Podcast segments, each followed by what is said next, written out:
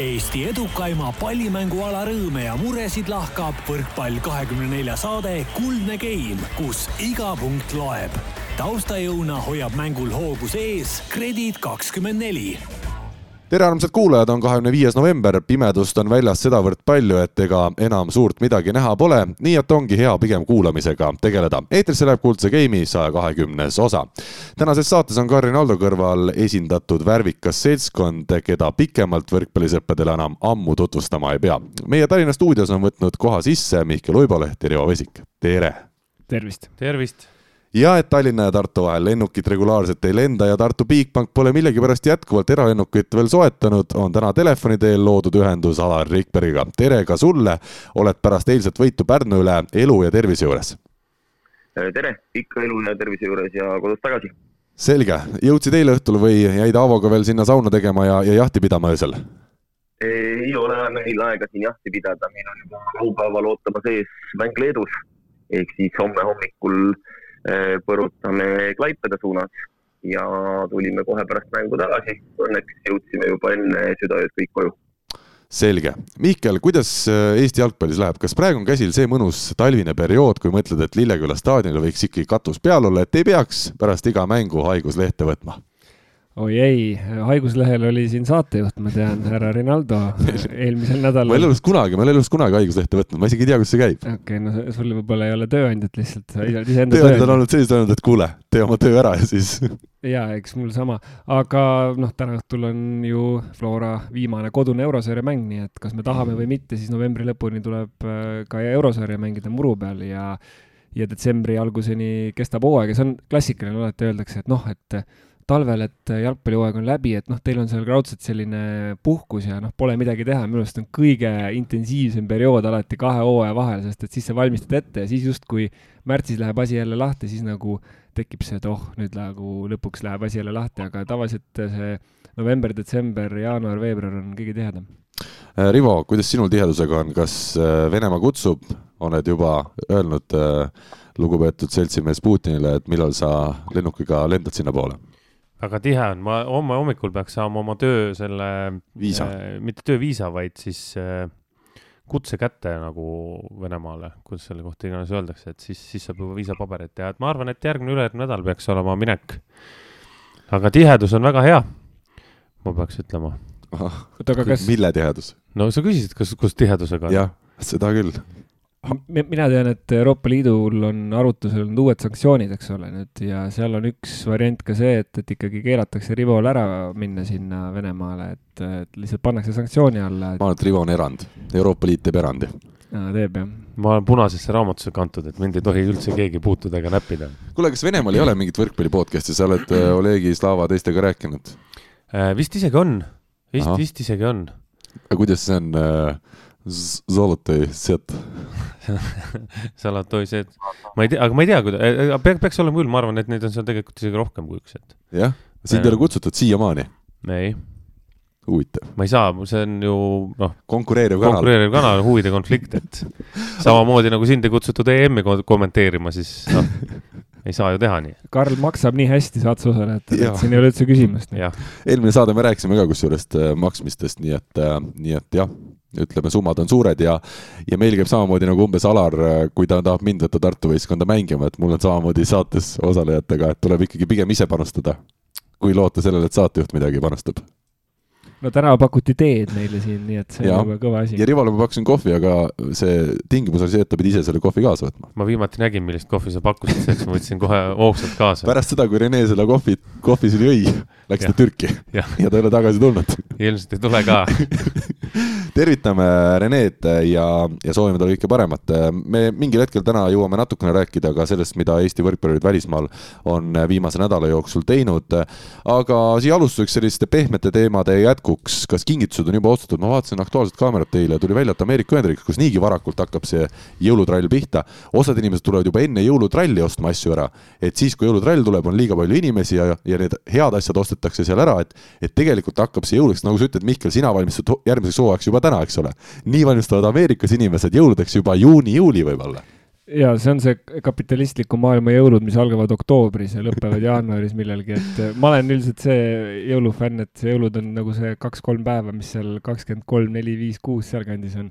aga Karl, ma näen, et sul on seal laua peal üks jõulukingitus küll juba toodud, et oskad sa öelda, et, et kes see tõi ja mis seal on täpsemalt et...? ma ei, pikemalt ma ei peatu täna jalgpalliteemadel, aga Mihkel tõi ühe väga kena sellise jõulu, kuidas advendi kalendri, kalendri. Alar, mida võiks Tartu Bigbankile tuua jõuluvana, meil on võimalik äh, saata kirju Lapimaa poole teele?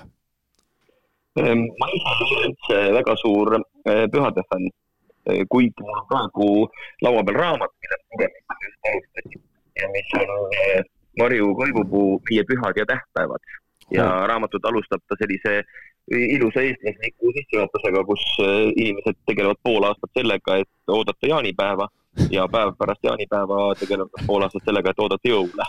ja selline ongi eestlase aastarütm. ja sellega tuleb nõus olla mõnes mõttes, aga kuna ma suur pühade ega jõulude fänn ei ole, siis ma arvan, et Bigbank Tartu meeskond ei tahaks eh, midagi enamat, kui vahetult enne jõule need viimased võidud kätte saada ja kahekümne teisel detsembril karikafinaalis mängida ja selle ära võita. aga ma saan aru, Alar, teil seisabki sel nädalal ees üks selline noh, ma ei tea, kas eksamiks on seda nagu palju nimetada, aga ütleme, üks selline võib-olla siis väljaspool Eestit äh, ainus tõsiseltvõetav vastane sellel aastal selles äh, ühisliigas, kui see vastane on tõsiseltvõetav? jah, äh, veidi üllatav, mis siis Leedu selle Karlstad Jämberi meeskonnaga nagu viimasel ajal juhtunud on. et alustasid äraütlemata bravuurikalt, nägin noh, tänaseks ma olen kõik nende mängud üle vaadanud, aga otse vaatasin ka nende mängu Pärnu vastu kus nad väga selgelt kolm-null pärnakat purustasid. aga nüüd kaks viimast mängu, null-kolm nii TalTechi vastu kui Selveri vastu, kusjuures Nuut ja Orav olid Selveril puudu. ehk siis äh, ei teagi, kas neil on hoog raugemas äh,, läheme kohale.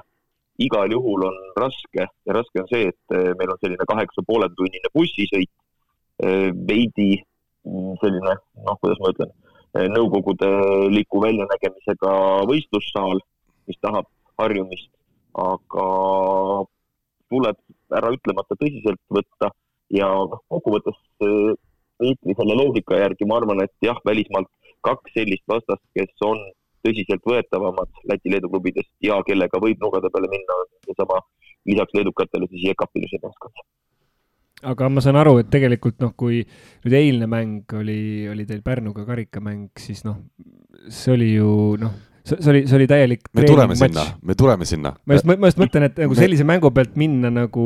ma mõtlesin, alustame ilusa soojendusega, räägime kinkidest ära ja siis tuleme selle Pärnu juurde, et mida. Pärnul oleks vaja kingiks okay.. ma küsin Rivo, Rivo käest ära, kas, Rivo, oled sa siin veel? jaa mida, mida oleks vaja Venemaa rannavõrkpallile kingituseks seekord, jõulude ajal? Äh, oota, vabandust, teil, vabandust, näärideks, näärideks. ma väga vabandan, minu viga. näärivana äh, nii naljakas, kui seda ka öelda on, siis oleks vaja kahte pikka, pikka plokimängijat ah soo, ja kus sa nad paned siis? plokki, kus ma ikka panen nad, hakkame trenni tegema et.... aga miks neid, miks just plokimängijaid? sest kaitsemängijaid on küll ja veel, see on äh, ka, ma usun, et Alar võib kinnitada, et see on igal pool maailma võrkpallis nii, et lühemaid mängijaid on ikkagi rohkem kui, kui pikemaid mängijaid, et mm. -hmm no eriti üllatav on see, nagu sa ka alustasid, et eh, ainuke riik, kes selle pärast pead vaevama ei peaks, on ju Venemaa, kus ka neid pikki on küll ja küll. nojah, sa, sa tead ka seda, sa tead ka seda põhjust, miks nad sinna randa ei tule, on ju, et. Eh, miks nad ei tule, aga võib-olla tavainimene ei tea, kes kuulab meie no, saadet. see, seal ongi see, et sul on äh, isegi kõrgema, kõrgliiga B, mis seal on, või A on ju, kumb seal on, A on Alar, täpsusta palun, et seal on see superliiga ja siis on A on ju liiga järgmine. just, just. et need A-liiga mehed on ka üsna normaalse palga peal ja, ja superliiga varumehed, kes seal tiksuvad, võib-olla kunagi mängida ei saa, et liiguvad võistkonnast võistkonda, et nad on, nad saavad lihtsalt nii palju palka. nii et me saime siit praegu teada, et Venemaa rannavõrkpallis raha ikkagi ei liigu no liigub, aga, aga siis sa pead ikkagi olema vähemalt top kolme hulgas, et Aa, siis nende auhinnarahadega riiklik... ja auhinnarahadega ja palkadega kokku siis saab. aa, et ikkagi riiklik süsteem hakkab siis nagu sind toetama, olenemata tulemust, tulemust, kui sa oled kolme parema paari seas või? ei no see olenebki ju tulemustest. nojah, aga, nojah, aga ma ütlen, kui sa oled kolme parema seas, siis sul on ka see, et sa oled riikliku toe peal või? No sest auhinnarahad, see on teine süsteem. natuke nagu klubidega ka seotud, nad on ju kõik klubides ja klubide ja, ja siis koondise palgaga, et see on niisugune hübriidsüsteem, aga, aga jah, et ta ikkagi põhineb nagu tulemustel, et äh, kui sa oledki maailma edetabelis kolmas vene paar, on ju, see tähendab seda, et sul on normaalsed auhinnarahad ja see tähendab seda, et sa saad ka palka nii klubist normaalselt kui ka alaliidust normaalselt või toetust siis, et. aga jah, see, see, sedasi ta on, tõesti, Alaril on õigus, et neid äh, kolgesid on seal uh juudas kui palju, aga, aga millegipärast ei taha tulla keegi. Mihkli käest ma ei hakka küsima, mida Eesti jalgpallil on vaja, seal on vaja võita. Neid on igal aastal natukene liiga vähe. aga head sõbrad, ma Mihklile sõna ei annagi, võtame ette kohe tänase saate esimese põhiteema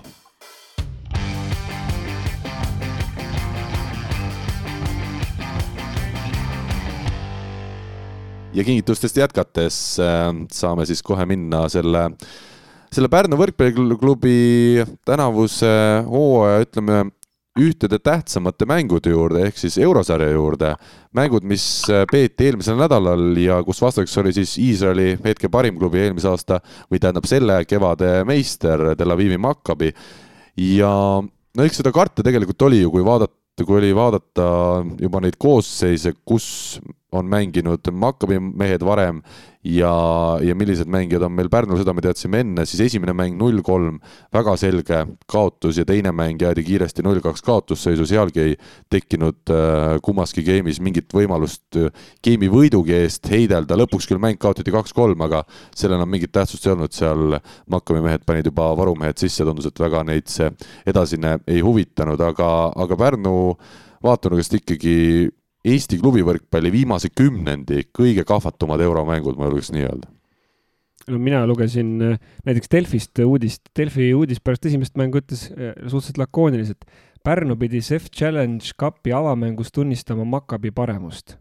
no ma ei tea, kui panna see viisteist, viisteist ja kakskümmend kaks punkti, mis koguti nendes kolmes game'is mingisugusesse noh, noh, et see oli ikkagi hävitav äh, ju kaotus selles mõttes, et ma ei tea, jalgpalliskoori ma ütleks mingi kaheksa-null selle, selle kohta. Eesti-Saksamaa no täpselt, see on, see on sellises, see on, see oli nagu üüratu taseme. kurb on isegi see, et meil ei olnud vastas hetkel Saksamaa-sugune nagu jalgpalli mõistes Saksamaa, vaid Iisrael, mis ei ja. ole ka mingi nüüd maailma Euroopa esiriik. keskmik võib-olla, ütleme selles mõttes, ja teine mäng, ma, ma lugesin ka jälle Delfit äh, Pärnu võitis kaks geimi, kuid langes eurosarjast välja. no andke andeks, no mm. ta ei, noh, see kaks geimi oli ju treeningmängu geimid jällegi, esimesed kaks kaotati viisteist, kakskümmend viis ja viisteist, kakskümmend viis ehk tegelikult saadi jälle totaalne saun ja noh, ma nagu imestan, et seda nii noh, reljeefselt ka välja ei toodud, et, et noh, ma, ma ei noh, kahju loomulikult, et, et niimoodi läks, aga, aga see on fakt äh,. Alar, sina nüüd eile mängisid Pärnuga äh, ja teiegi võitsite Pärnut siis karikavõistluste esimeses äh, poolfinaalmängus ülikindlalt. aga kas sa neid eurosarja mänge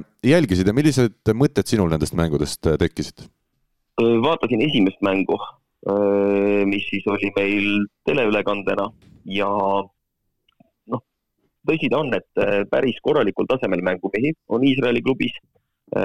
pärnakad üritasid, oli näha isegi loogika, mille peale Aavo mängis ja hea oli kuulata ka time-out'ide ajal. mis see loogika oli, kas sa oled no, nõus ütlema? sama, et punkt üks, riskeeriv mäng, alates servist kuni selleni, kuidas lahendati rasket palli rünnakul. mängu käigus selline taktikaline juhis number üks, võimalikult palju mängida keskel mm.. isegi kui keskel on Peterson, lihtsalt mängida, sest nurgas vastane oli oma plokitaktika üles ehitanud selliselt, et keskelt rahulikult vaadatakse ja liigutakse nurkadesse kahesesse plokki. seal oli selline võimekorrektsus ees, et kuidagi ei saanud mööda ega punktideks neid palle. ja mingid hetked see nagu toimis, aga selle aluseks, et selline mäng toimib, peab sul olema väga hea vastuvõtt. aga kui Silver on hea kvaliteediga ja kindel mees, eh, kes selle poole nagu ära hoiab, siis teiste vastuvõtjate pealt eh, noh, midagi ei ole teha, ei ole päris eh, võrreldav kvaliteet ja, ja seetõttu jäid ka servisurve alla omajagu. et järgmine asi nagu sellest Iisraeli meeskonnast, et kui telepildina tundus selline päris sümpaatne ja tasemel meeskond, siis nüüd, kui ma vaatasin selle mängu üle, valmistudes siis Pärnu mänguks, siis ma vaatasin juba need kaks mängu üle põhjalikult, eh, siis otsakaamerast, kus siis statistikud filmivad ja jälgisin, milline on kaitse, ploki ja vastuvõtusüsteem Makaabil, siis ma pean küll ütlema, et seal meeskonnas valitseb täielik segadus ja lihtsalt oma individuaalse eh, taseme pealt nad mängivad. Ja ei taha küll ennustada, et see Tel Avivi klubi nüüd äh, Challenge Cupis mingite väga kõrgete kohtade eest lõpuks mängima hakkab no tegelikult mul oli äh, plaan teha eelmisel nädalal saade just Pärnust, äh, võtta seal kampa siis Pärnu klubis tegevad ole, tegev, tegevad olevad Äh, Jaanus Nõmsalu ja Reio Tilk ja, ja Tamar Nassar veel asjatundjana juurde ka, aga, aga jah, see saade jäi seekord ära, aga, aga see saade kindlasti tuleb, et, et see idee rääkida ja uurida just pärnakutelt endilt, et milles hetkel küsimus on, miks nad ei suuda konkureerida täna ei Eesti tugevamate klubidega ega ka Pärnu siis parima jalgpalliklubi ega korvpalliklubiga, et mis see põhjus on, miks on muutunud Äh, lood täna siis sedasi, et, et võrkpall ei ole enam Pärnus sugugi oluline ja ka ütleme, rikas äh, spordiala. Ja miks ei tule noori peale, see on võib-olla see peamine küsimus, mida ka Aavo Keel on siin kogu aeg rõhutanud, et ei ole materjali, kellest meeskonda voolida, aga kui palju me saame panna täna noorte peale selle süü ja, ja palju peaks täna küsima seda, et miks Pärnu võistkond on komplekteeritud sedasi, nagu nad on komplekteeritud, et siin nagu selgelt tundub, et kuidagi see võistkond, äh, tal ei ole täna elu sees, nii nagu me oleme siin saates varemgi rääkinud, et et on väga erinevaid kaotusi, kui me võtame siin Limbaši võistkonna, kus oli mõned hooajad tagasi Lauri Zietselin, eks vedas seda võistkonda, seal olid no, andekad noored äh, Läti võrkpallurid, kellest täna ongi juba mitmest saanud korralikud mängumehed, et see oli vähemalt mõte sees, miks nad tulid Tallinnasse mängima ja kaotasid mängud null-kolm vahel väga kindlalt, aga, aga täna sellel Pärnu võistkonnal ma ei, ma ei näe seda, seda nagu ka ideed, et kuhu see võistkond tüürib või kellele see võistkond täna oleks oluline. oluline on ta jah, mulle tundub nendele viieteistkümnele või kahekümnele Pärnu tulihingelisele poolehoidjale, kes hoolimata mängu tõsidusest või kaalust on alati kohal ja väga kõvasti kaasa elavad, aga Rivo, sina kui pärnakas äh, millest seal see küsimus võib täna olla, me saame aru, et raha ei ole, aga raha ei ole ka alati ju ainus asi, mis määrab ja kui seda raha ei ole, tuleks ei oska öelda, see on äh, küsimus klubi treenerile, klubi juhtkonnale, et mis nende nägemus on ja mis nende mõtted on, et mina, ma ei oska seda öelda, ma ei suuda seda kommenteerida praegu. Äh, samamoodi, kui need tulihingeliselt kakskümmend fänni seal on, siis need tulihingeliselt kakskümmend fänni võiks pöörduda ka klubi juhtkonna poole või, või siis klubi treeneri poole või kelle poole iganes ja küsida, et nagu, mis nüüd siis on, on ju. sa tõid väga hästi välja, jalgpall, korvpall täna võib-olla Pärnus isegi, noh, korvpall kindlasti on ju paremal tasemel, et et äh, selles suhtes kuskilt siin korvpalli on raha leitud, et ju siis, ju siis ikkagi seda raha natukene, natukene nagu liigub, et äh, aga, aga noh, ma, ma ei, ma ei oska kommenteerida seda teemat. et ütleme, see eurosarjas osalemine neile endile äh, nagu maksis kätte, et, et ma saan aru, et Pärnu linn vist on sel juhul nõus toetama võistkonda, kui nad eurosarjas kaasa löövad, aga täna lihtsalt tänu nendele eurosarjadele või nende eurosarjade tõttu on õige öelda eesti keeles, on saanud Pärnu rohkem pilti ja on tulnud rohkem välja see, kui kehvas seisus nad on, kui nad oleks eurosarja mänginud, teekski, ütleksid, et näed, me mängimegi sel hooajal nii, nagu meil võimalused on, aga, aga sellise võistkonnaga, mis on täna selgelt ikkagi neljast Eesti klubist kõige nõrgem, minna eurosarja mängima, noh, see jah, see, see mõte nagu jääb arusaamatuks. Alar, kuidas sina konkureeriva klubi peatreenerina näed seda? no ma ei taha isegi mitte kritiseerida, sellepärast et see Pärnu olukord on õnnetu ja õnnetu isegi põhjustel, eh, mis on lihtsalt sellised juhused. esimene asi kukkus välja neil vigastusega hooaja lõpuni Toni Tammiksaar. nüüd on neil, nendega liitumas uus nurgaründaja. teine äh, hiljutine asi, et neil on äh, hädaga väljas äh, legionär Kevin Lebreu ja see tähendab seda, et nad teevad kuue, seitsme, kaheksa mehega trenni. see tähendab seda, et äh, sõltumata sellest materjalist või nende meeste kvaliteedist, kes seal täna olemas on, eile tuli mängule kokku sooja tegema üheksa meest, ei saa teha kvaliteetset treeningut ja see, ja kui sa ei saa teha treeningut, kui sul polegi mitte kordagi võimalik kuus kuue vastu mängida trennis, tähendab seda, et äh, olemasolevast materjalist sa ei suuda ka maksimumi välja pitsitada.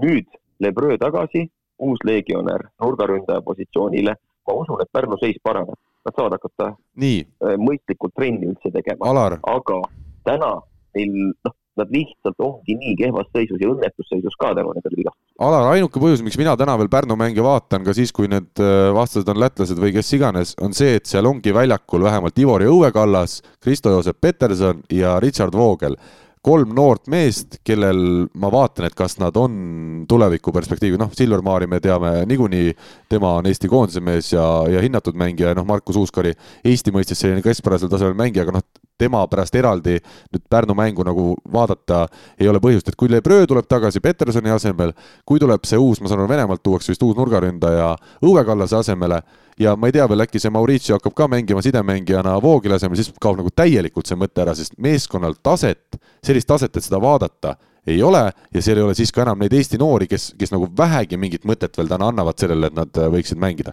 ja ma väidan, et selle Bröö ka ei oleks Petersonist nii palju parem olnud, et nüüd nad oleks eurosarjas või teie vastu, Tartu vastu paremini mänginud. no raske öelda ja spekuleerida, et kes ja kellest kui palju parem on, aga me jõuame tagasi selleni, mille, mille küljes me olime hooaja alguses. Pärnu tänu sellele, et eelarve ei olnud koos, jäi komplekteerimisega hiljaks. mis tähendas seda, et Selver, TalTech ja Bigbank Tartu äh, tegid ära lepingud äh, väga paljude Eesti mängijatega. täna nendes kolmes meeskonnas on meil ju legionäre kas üldse mitte või väga vähe. ja Pärnule ei jätkunud mängijaid.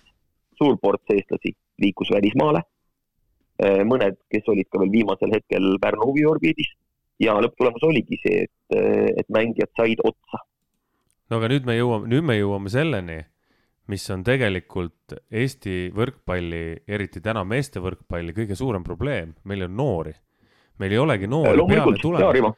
ja meil ei olegi peale tulemas noori, sest Alar ütles väga hästi, et kui sul on kaheksa meest, on ju, trennis, siis eh, noh, enam ikkagi ma ütlen, viis-kuus aastat tagasi oli seis veel selline, et sa said neid A-klassi poisse võtta kasvõi juurde ja nad olid vähemalt mingil tasemel, kes nagu osutasid mingit vastupanu, on ju, ja suutsid midagi teha, siis tänasel hetkel ongi seis selline no Alar ütles, et osad läksid välismaale ja ei olegi kedagi võtta. aga mis see tähendab, kas Pärnus ei, ei ole enam seda U kaheksateist või no, noorteklassi võistkondi? üldse, mitte, mitte ainult Pärnus, vaid kogu see Eesti, ütleme, noorte, noormeeste tase on langenud. ma toon Pärnu, ma toon Pärnu näite lihtsalt numbriliselt vahele teile. võtsin välja kümme aastat tagasi, Pärnus oli kuussada kakskümmend üks, Pärnu maakonnas oli kuussada kakskümmend üks võrkpalliharrastajat.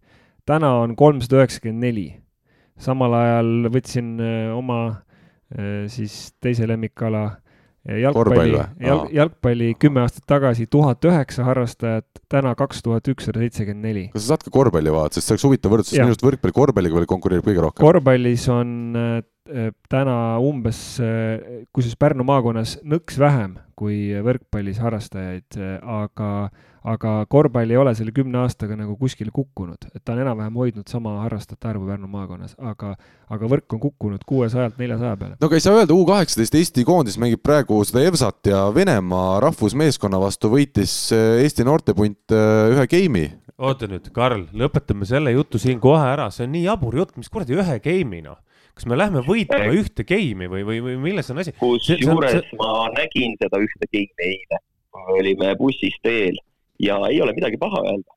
Äh, ma ei taha nii musta pilti maalida, nagu me teeme sellest noortesüsteemist, sest et äh, meil olid, nii nagu ikka tuleb sisse, mõned kehvemad aastakäigud. meil oli väga okei kaks tuhat, kaks tuhat üks, kust on tulnud, äh, isegi selle üheksakümmend üheksa pane veel juurde, nendest kolmest aastast, on tulnud põhitegijaid paljudesse klubidesse ja on tulnud koondise mängijaid ja meil on mitmed mehed isegi, noh, kas just mitmed, aga meil on ka mehi juba välismaal sellest vanusest. siis tulid mõned aastad veidi kehvemaid aastakäike ja ma olen täiesti veendunud, et järgmine aasta näeme meistriliigas võib-olla esialgu pingi peal, hiljem ka platsi peal mehi, kes jällegi noorteklassist tulevad. et lihtsalt sattus selline väike auk, pluss äh, miks tekkis olukord, et äh, need noormängijad ei pääse meistriliigas isegi pingile, oligi tingitud sellest, mida ma ütlesin ja ütlen jätkuvalt, eelmise aasta meistriliiga tase kindlasti oli nii, kindlasti nii kõva, et vähemalt kümme aastat me sellist enam ei näe. Saaremaa, kes suure rahaga komplekteeris heal tasemel võistkonna, kes äratas ja sundis konkureerimiseks eh, Selverit, Bigbank Tartut, kõiki teisi ka leidma võimalusi, et olla sarnasel tasemel ja sellest tulenevalt oligi keskmine tase väga kõrge ja noorte tase selleni ei küüdinud. nüüd oleme me jõudnud sellesse situatsiooni, kus eh, keskmine tase, ma eeldan, et järjest veidi-veidi kukub, mis on loogiline, sest parimad peaks minema välisklubidesse mängima. ja siis eh, tulevad nüüd meil kaks tuhat viis, kuus, kaks tuhat neli, sealt vanuseklassist noormängijad, kes hakkavad ka meistriliiga võistkondadesse jõudma ja lõpuks ka meistriliigas mängima. see on, siin on üks probleem, Alar, et sinnamaani peavad välja vedama mingid meistriliiga võistkonnad, et kui nii edasi jätkub, siis see Pärnu kaob lihtsalt kaardilt ära, meil jääb kolm võistkonda noh. jah, sul on täitsa õigus, et eh, ei ole see olukord lihtne, sellest on palju räägitud, et see neli, mis tänavu on meil meistriliiga meeskondi, on vähe ja nüüd tulebki üheskoos eh, võrkpalliliit, tegutsevad klubid, kes on Kredit kahekümne nelja liigas, pluss need potentsiaalsed Äh, ütleme siis kohad ja klubid, kes võiks liituda, peavadki üheskoos äh, paika saama äh, selle, et meil oleks järgmine aasta vähemalt üks meeskond või isegi kaks meeskonda juures. absoluutselt, aga selle jaoks oleks vaja, vaja ka alaliidu poolt huvi ja alaliidu poolt näidata üles mingisugust asja, et võtta need võistkonnad kokku ja küsida, et kuulge mehed, et mis me nüüd teeme ja kuidas me edasi läheme. sest ei saa ju, ei saa ju, ei saa ju alaliit alaliit üksinda teha? partner, aga siin on ikkagi organisatsioon, kes sellega tegeleb, on liiga. või liiga, jah, jah, täpselt, ja, ja liiga, liiga on alaliidu katuse all, noh, selles suhtes, et, et see, need peaks kõik koos. ja siis koos käsi paika. niikuinii vaja teha, sellest sai juba räägitud hooaja alguse koosolekul ja nüüd millalgi hooaja sees on esimene ümarlaud vaja kokku kutsuda, teha mingisugused plaanid ja siis hakata nende plaanidega töötama. no jaa, aga neid plaane peaks tegema juba täna, on ju, et, et see koosolek peaks toimuma kas siis äh, enne uut aastat või kohe peale uut aastat, et äh,. täpselt nõus ja sinna ma arvan, et võikski selle asja planeerida nii, aga ma loodan, et nii lähebki. minu küsimus on nüüd see, me, see on väga hea, me arvame, täna arutame seda natukene pikemalt, aga kas, äh, kui me võtame need võistkonnad juurde, noh, me oleme seda siin saates ka arutanud, me võtame, siis see tase langeb veel, paratamatult ta langeb veel, kui me võtamegi Võru kampa uuesti või Rakvere uuesti kampa, sest me teame, et nad ei suuda komplekteerida võistkonda vähemalt lähiaastatel, kindlasti mitte, nagu on täna Tartu Bigbank näiteks. mina ikkagi jätkuvalt, mulle tundub see Soome liiga idee selles suhtes mõistlik, et kui me tahame Eestis professionaalset saalivõrkpalli meeste osas jätkata, siis saatagi need hetkel kas või kolm paremat klubi mängima Soome liigat ja see ei pea olema nädalast nädalasse toimuv liiga, vaid näiteks nii, et kord kuus käid, mängid kaks mängu näiteks. soomlasi ei huvita see. no ma ei tea. absoluutselt neid ei huvita, see jääb raha taha kõik, neid ei huvita see no.. jah, see on praegu raske, sest Soomes on päris arvestatav ja tihe eh, hooaeg. Vist üksteist võistkonda veel ja palju sellisel sarnasel tasemel üllatusvõimelisi ja isegi tagumise otsa klubid esimese otsaga, et eh, mina ka soomlasena kusjuures ei ole süsteemi rikkuma. Alar, nüüd ma sulle esimest korda elus vist eh, võrkpalli osas vaidlen küll vastu. Soomes Nii. on ikkagi viimased klubid hakanud väga selgelt kaotama seal Savole, Valepale, Agale, et ma rääkisin ka Heiki Kiiskineniga, kes meie saadet eh, alati kuulab kohe ja keda ma tervitan, selline hea Soome eestlane või kuidas ta nimetama peab, ja ta ütles ka, et see, et neil on veel nii palju võistkondi tänavu meistriliigas, et see on, see on üllatus, et teades seda, kui palju on võistkondade eelarved langenud ja just nendel tagumistel klubidel, et see tasemevahe tegelikult on hakanud Soomes suuremaks minema ja seetõttu mulle tundub, et, et mingil hetkel, kui seal mingid peakski ära kukkuma näiteks meistriliigast, et siis oleks neil ka vaja sellist äh, sügavust juurde sellesse liigasse. nii, Karl, kaheteistkümnendal novembril mängis Andrus Raadiku koduklubi Savo äh, Lendo Pallo Seura ette vastu ja selle mängu võitis Etta. Etta on tabelis viimasel kohal, Savo on tabelis esimesel kohal no aga seal on ikkagi minu arust väga palju ühepoolseid mänge, väga ühepoolseid on, mänge. on, aga ee, Soomes mängitakse palju, mis tähendab seda, et eh, tänu palju mängimisele, reisidele, koormusele tekib ka lihtsalt eh, sellist, sellist rütmi sega, segamist ja sellest tulenevalt tekib neid üllatustulemusi ja praegu on Soome kõige viimasel meeskonnal kaks võitu ja kõige esimesel meeskonnal kaks kaotust ehk siis äh, ikkagi võidetakse ja kaotatakse. ainuke eripära lihtsalt äh, Valepa ei ole väga palju mänginud tänu sellele, et äh, nad osalesid meistrite liigas mm, -hmm. pärast seda ka CEF Cup ja Valepal on, kui teistel on siin üksteist, kaksteist, kolmteist mängu mängitud, siis Valepal ainult seitse. Nemad on seitsmest seitse kõik võitnud, aga ülejäänud nii võidavad kui kaotavad. ja mina arvan, et see on ikkagi väga mõistlik, okei tasemega liiga olgugi, et võib-olla viimased paar tükki on kehvad, aga me räägime sellisest vahest, et praegu on Eestis neli. sinu ettepanek oli, et saadame kolm parimat. Soomes on üksteist ja kui me saadame kolm parimat veel soomlastega mängima, siis me tekitame lõhe nende kolme parima ja ülejäänute vahel nii suure, et meil ongi Eesti meistrivõistlustel kolm võistkonda, mis isegi poolfinaale mängida. aga Tartu või Tartu peatreener, ütle, mida sulle annab järgmine aasta see, kui sa pead lisaks nendele Läti klubidele, kes tundub, et järgmine aasta ka väga palju tugevamaks ei ole minemas nagu sel aastal, veel mängima ka Võru ja Rakvere, kes on täpselt samal tasemel nagu näiteks noh ma ei tea, võtame ükskõik millise Läti klubi, seal ei olegi hetkel ju, need, need, see Eesti tippude tipp nagu see hakkab ikkagi siis ju manduma Tartu Bigbankil ei ole aga, neid motivatsioone neid mänge. aga miks sa arvad, et Tartu Bigbanki äh, mängijad jäävad järgmine aasta kõik sellesse klubisse mängima mm.? mina loodan, et umbes kolm meest läheb, vähemalt liigub järgmine hooaeg mina... välisliigadesse mängima. ma loodan samamoodi, aga samas ma ikkagi loodan, et ka Eesti liigal mingisugune selline huvi jätkub ja et ka tase oleks nagu olemas. Äh, noh Eesti liiga tase, inimesi mingisuguse loogikani, aga ei, meil on parem, eriti koondise seisukohast see, kui meil on kakskümmend kuni kolmkümmend tippmängijat välisliigades mm..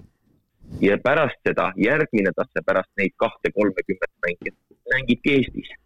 see, kui võrdne nad omavahel on, sõltub komplekteerimisest, sõltub vahepeal õnnest, kõigest muust. ja see ongi väga mõistlik ja loogiline sa võtad teised spordialade näited, korvpallis on meil ka selline päris korralik ports äh, mängijaid välisliigades.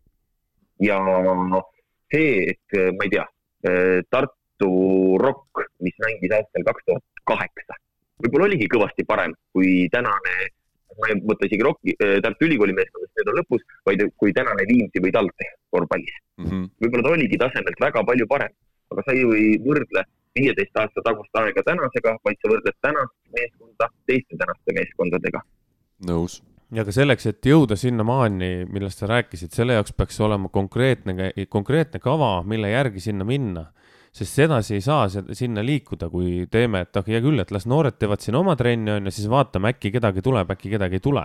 et selleks peaks olema ka toetus äh, väiksematele kohtadele, et sealt tuleks, selleks peaks olema üles ehitatud süsteem et me saaksimegi sinnamaani, see mõte on jumala õige ja see point on jumala õige. et kui meil oleks kakskümmend, kolmkümmend oma mängijat, normaalsel tasemel mängijat, see tähendaks seda, et me saaksime Eestisse teha noh, viis võistkonda vähemalt, noh.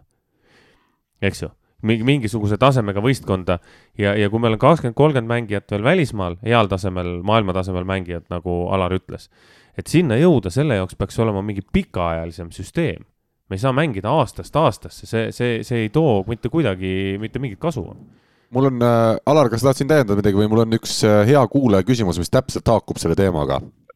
no loe ette. Ain, kes on äh, ka ühtlasi meie portaalis väga, väga tubli abiline äh, IT abi osas, tervitan teda siinkohal, paneb sellise teemaarenduse või pani teele kas meie meeste meistriliiga on läinud liiga professionaalseks Eesti jaoks? seda on äärmiselt veider öelda, arvestades, et meil täisprofe mängijaid on ikkagi ainult ühe või kahe käe jagu aga kui vaadata, kui palju on mehi, kes kannataks veel mängida küll meistriliigas, aga põhjusel või teisel seda enam ei tee, siis kas laias plaanis me hoopis pärsime meistriliiga kala arengut? teema tuleneb vaadates praegust Pärnu seisu, kuidas äh, neil ei olegi Eestist omale mehi juurde leida ja meil ongi ainult kolm koma viis või kolm ja pool meistriliiga tasemel klubi finantsilises mõttes. jalkas ei käi poolprofid edukatega madistamas, Kossus samamoodi. ei tule ka alt piisavalt äh, kaela kandvaid äh, ja, ja või ambitsioonikaid ambitsioonikaid noori peale, et oleksime nii-öelda kasvuliiga seguga vanadest proffidest.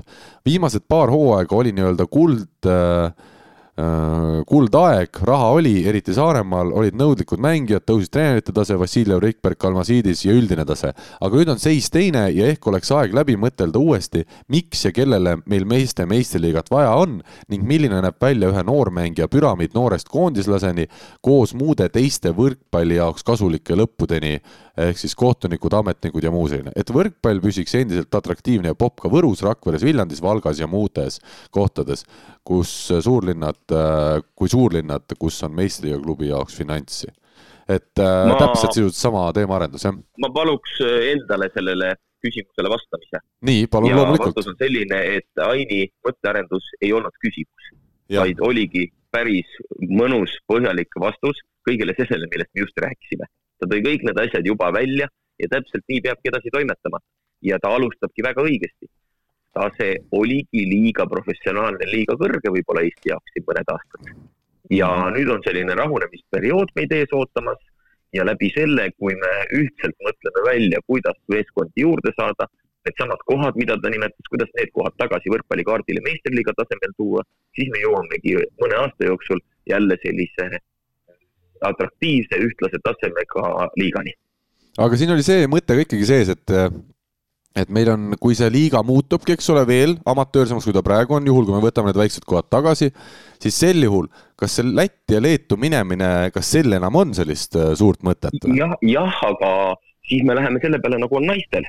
Eesti meistrivõistlused, kus on kaheksa naiskonda, pluss Balti liiga. ehk siis see tekibki kaks sellist paralleelselt toimuvat sarja ja kui võib-olla mõnel võistkonnal Eesti meistrivõistlustel pole finantsi või pole piisaval tasemel mängijaid, siis näiteks Eesti parimad neli mängivad koos Lätiga.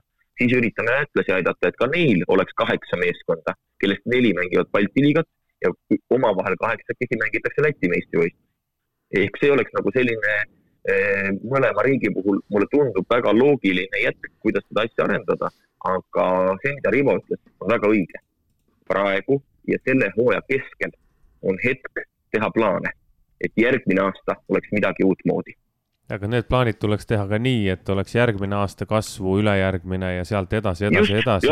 kaheksa-aastane nagu, nagu meie kirjutasime rannavõrkpalli jaoks eile just Kristjan Kaisiga kaheksa-aastase projekti või siis täna kuueaastase projekti, et kuidas võiks jõuda Eesti rannavõrkpalli olümpiale, on ju, et kuus aastat pandi paberi peale, mis need sammud peaks olema. ma arvan, et liiga mõistes võiks olla sama tegu, teema, on ju. ja noh, vastata no, selle Läti küsimusele. oota siis..., ma ütlen ära just selle arengukava värgi, et kui te panite sellise plaani, siis me oleme siin äh, ka omakeskis arutanud ju mingil hetkel, et Eesti võrkpalli arengukava oli ikkagi puhas naljanumber, ütleme ausalt. sellepärast, et äh, seal ei olnud kirjas see, et kuidas hakatakse Eesti võrkpalli arendama, seal olid unistused, et võiks olla nii, võiks olla naa, võiks olla sedasi ja siis, eks ole, mingi aasta tagant siis muudeti aastanumber ära. et eh, noh, sisuline arengukava, nagu me Mihkliga vist ükspäev seda arutasime, oli see, et seal peab olema punkt punkti haaval kirjas, mida tahetakse saavutada ja siis need punktid, kuidas selle saavutuseni tahetakse jõuda, lihtsalt mitte ei pane kirja. no ka mõõdetavad eesmärgid. just, aga meil ongi kaks asja, unistused, eesmärgid, nimetame selle arengukavaks ja järgmine etapp sellest on tegevuskava. just, aga kus on tegevuskava, ma ei tea, kas sellest me oleme kunagi kuulnud? mina ei ole neid pabereid niimoodi vaadanud, mina äh, vastasin alaliidu küsimustele, kui nad alustasid arengukava koostamist, nad väga paljude inimeste käest laiapõhjaliselt äh, kogusid infot äh, kitsaskohtade kohta, mis on hästi, kuhu jõuda. kas see oli nüüd siis, hiljuti? just nüüd. jaa, no loodetavasti see uus arengukava tuleb nagu asjalikum igas mõttes jah, loomulikult ja, aga see on see asi, kus me eh, noh, peame natukene ootama ja tahaks küll näha alaliidu poolt eh, selliseid selgeid nii ideid või soovunelmaid kui ka samme. kindlasti tuleb, kindlasti tuleb asjalikum, kuna ma tean, et Toomas Vara vaatas Jalgpalliliidu arengukava ja küsis meie käest, kuidas me selle koostasime, nii et siis järelikult on väga, väga hea nagu eeskuju on ees, nii et toetan, toetan.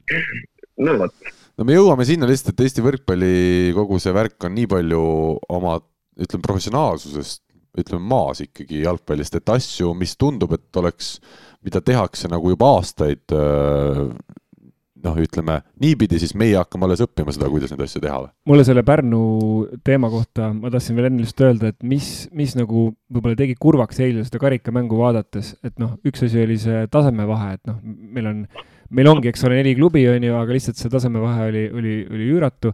Ja teiseks noh, mis nagu näitas minu meelest natuke sellist, minu jaoks vähemalt, sellist austuse puudumist sellesse mängu oli see, kui ma vaatasin kolmandat game'i ja noh, kui ma silmad kinni panin ja kuulasin, mida mängu komentaatorid rääkisid, siis nad rääkisid sellest, mida Carrinaldo neile sõnumeeris või keegi teine kirjutas, et nagu minu jaoks, ma saan aru, et see on nagu selline noh, see võib olla naljakas ja see võib olla niisugune lahe, aga võib-olla see on minu kiiks, aga mina lihtsalt ütlen, et eh, kuna mängust enam ühel hetkel üldse ei räägitud, siis see on, see näitabki ära, et seal platsil ei olnudki midagi millestki rääkida, sam aga samal ajal see on nagu selline noh, see on selle mängu nagu mitteaustamine, et minu meelest peaks igal juhul lõpuni mängust rääkima. mina olen natuke, ma olin kunagi ka väga sellise klassikalise stiili pooldaja ja ma oleks ilmselt sinuga kümme aastat tagasi olnud väga nõus.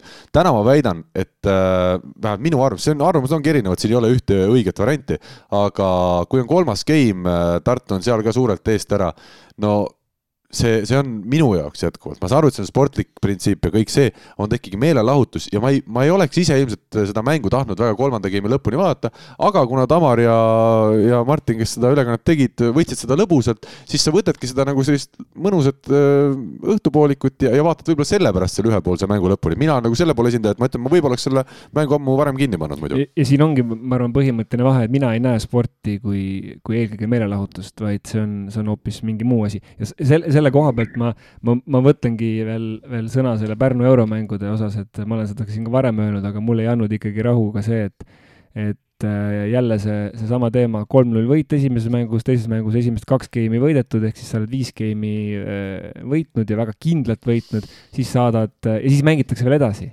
Et ma just mõtlesin, et kas ma suudan välja mõelda mõne spordiala, kus olukorras, kus enam ei ole võimalik ühel võistkonnal mitte edasi minna ja teisel pole võimalik edasipääsu püüda, et mängitakse edasi, et mina lõpetaks kaks-null seisu pealt mängu ära lihtsalt. Paneks... jalgpalli äh, EM-i, MM-i kvalifikatsioonid, alagruppide mängud, noh, seal on üsna kindlalt selge, kas keegi saab MM-ile või EM-ile, et lõpetage siis alagrupp ära, mis te mängite edasi. no seal on punktid, eks ole, see on turniirisüsteem. nii, aga mis, mis vahet seal, mis punktid sulle annavad, kui sa näed, et sa oled kahe, kaks mängu on jäänud ja sa sinna MM-ile ei saa enam, no mis te mängite siis no,? täpselt sama küsimus. no ma, mina räägin mängu kontekstis, et kas, kas ühe mängu kontekstis, kui sa mängid nagu play-off'is edasipääsus, on ju, et, et ei ole niimoodi, et kui jah, Kossus loomulikult esimese mängu näiteks kolmekümnega võidad ja teises mängus tõesti, see on väga teoreetiline, et sul vastane võidab, aga ikkagi sa pead nagu lõpuni pingutama, sa ei, sa ei saa nagu kaotada seda mängu selliselt noh, ühes, ühes hetkes, et sa tõmbad täiesti nagu lased jala sirgu.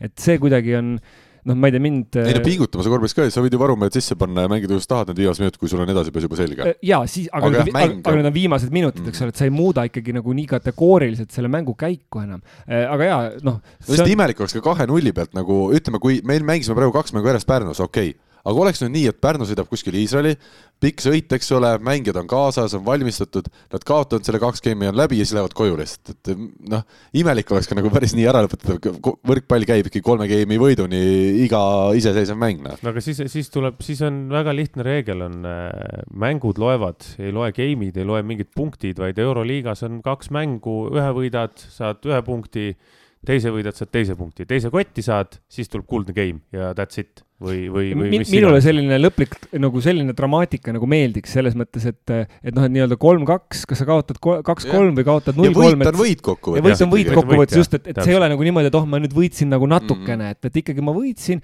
ja see minu meelest see kolm-kaks võit on nagu just magusam, et sa saadki nagu, tuled seal välja, ronid ja võidadki ja siis ongi nii-öelda võita võtad aga mis kõik. juhtub, on vist see, et äh, muidu on see, et mingi tugevam võistkond mängib esimese mängu võõrsil, tal on täiesti suva, kuidas esimene mäng lõpeb ja siis tulevad koju võidavad äh, mängu ja kuldse game'i, ma ei tea, aga ma ei tea, aga seal, aga seal ei ole vahet, vaata selles suhtes ju, siis sa, kui sa, kui sa oled selle riski nõus võtma ja esimese mängu kaotad, siis sa ju tegelikult riskid, sa võtad riski, sa ju kunagi ja, ei tea, mis, mis on ja kuidas on. Ja tugevad võistkonnad kui tuleb tugev võistkond, siis üldiselt nad ikkagi võidavad, on ju. Mm. Alar, kuidas sina näed seda jälle treeneri aspektist, milline oleks hea lahendus ja kas see, kui kahe geimi järel on edasipääseja selgunud, sinu kui treeneri jaoks annab midagi, et, et see mäng veel jätkub? ma mõnes mõttes olen nõus selle Nihkli algse mõttekäiguga. kaks korda tänavu ju meistrite liigas. šveitslaste vastu Ambrisvilliga mängides oli kordusmängus kaks geimi käes ja läks kogu vahetuskoosseis pool platsile. ja teine asi, kui olime kaks geimi äh, Portugalis Benfica vastu kaotanud ja polnud enam võimalust, siis samamoodi äh, tegin vahetusi ja ei mängi enam nii palju tulemuse peale. et äh, jah, see iseloom pealtvaataja seisukohalt ka, vaadata seda lõppu on ära ütlemata juba igav, aga noh, teistpidi see on nüüd natuke suurem, see ei ole meie Eesti kiiks, see on tänane võrkpallireeglistik. põhjus ongi see, et hetkel, kui tehti muudatus, et võit on sõltuvalt tulemusest kas kolm punkti või kaks punkti ja kaotus sõltuvalt tulemusest kas null punkti või üks punkt, et väärtustada ka igat geimi võitu, isegi play-off süsteemis, siis eh, viimased kümmekond aastat julgelt on ju võrkpall niimoodi toimetanud ja kuni seda ei muudeta, siis eh, noh, tuleb lihtsalt reeglite järgi teha, et sa ju enne võistlust tead, milliste reeglite järgi mängitakse. on olnud aeg ka see, kui iga game määrab ehk siis äh, mäletan äh, Selveri kuldiga mänge, esimene mäng kaotati kodusaalis null kolm ja edasipääsuks oli vaja võita kolm-null ja kuldne game. Yeah.. isegi kolm-üks võidust ei piisanud. Ja tookord äh, Selver oli ainuke meeskond, kes võib-olla ajaloos isegi on sellise asjaga hakkama saanud. pärast null kolm kodus kaotust võõrsil, ma olin ise kaasas Selveri meestega statistikuna abis, võitsime kolm-null ja võitsime kuldse geimi, kuigi oli väga nugade peal, üks geim oli seal kahese vahega, puldigal mm. oli täitsa võimalik võtta, et sellise napika pärast oleks võinud nõrgem meeskond edasi saada, et sellepärast ma isegi jah, toetan seda ideed, et play-off süsteemis võib-olla ei ole mõistlik punkte lugeda, aga noh, täna me mängime reeglite järgi. aga ma tulen nüüd päris saate alguse juurde, kus äh, Mihkel rääkis sellest Pärnu jõulusaadest ja ta ütles, et need pealkirjad maalisid justkui ilusama pildi. siis äh, üks minu mm, tuttavatest, kes mängu vaatas, ütles, et tema loobus selle mängu vaatamisest pärast seda, kui kommentaatorid avageimis, vist oli see seisul kolmteist, kakskümmend üks, ütlesid, et äh, kõik on hästi, vähemalt me ei ole rongi alla jäänud. see oli jah, natuke huvitav jah eks ma vaatasin no,, Meis. see oli väga hea huumor kusjuures. Meis Merilainist, äh, Merilainenit tean ja, ja väga ju vahva meil rannavalle peakohtunike turniiridel, ma, ma nagu tema häälest lihtsalt aru, et oli nii kahju Pärnust, et ta proovis seda kuidagi nagu öelda, et tegelikult ei ole seis, et tegelikult ei ole rongi alla jäänud, lihtsalt rong on on meetri kaugusel meist täistuuridel tulemas, et äh, ta kuidagi proovis nagu leida, et ma, ma ei heida ka ette talle, kuigi jah, see kõlas natuke nagu naljakalt, aga, aga no Meri, mehi siis tahtis nagu midagi positiivset kuskilt öelda no,. jaa, aga see on väga hea huumor on ju, näiteks osad saavad sellest huumorist aru, osad ei saa. ma käisin eile vaatamas, äh, elus esimest korda käisin PÖFFil Aha. käisin vaatamas lühifilmide siis mingisugust, noh, viis, viis lühifilmi olid, huumor oli ma vist olin ainuke, kes seal saalis ei naernud, et ma ei saa mingi, ma ei saanud üldse nalja, naljast aru. ja teised inimesed ümberringi kõik irvitasid ja naersid ja kõigil oli hirmus naljakas. mina ei saanud aru, no ma ei tea.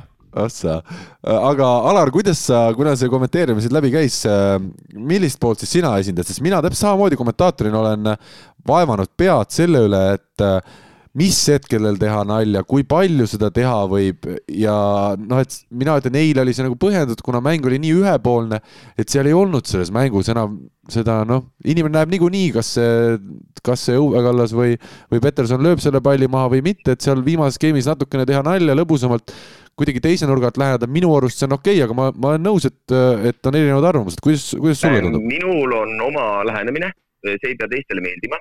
Ja see natukene pooldab sind ja samamoodi pooldab ka Mihkli öeldut.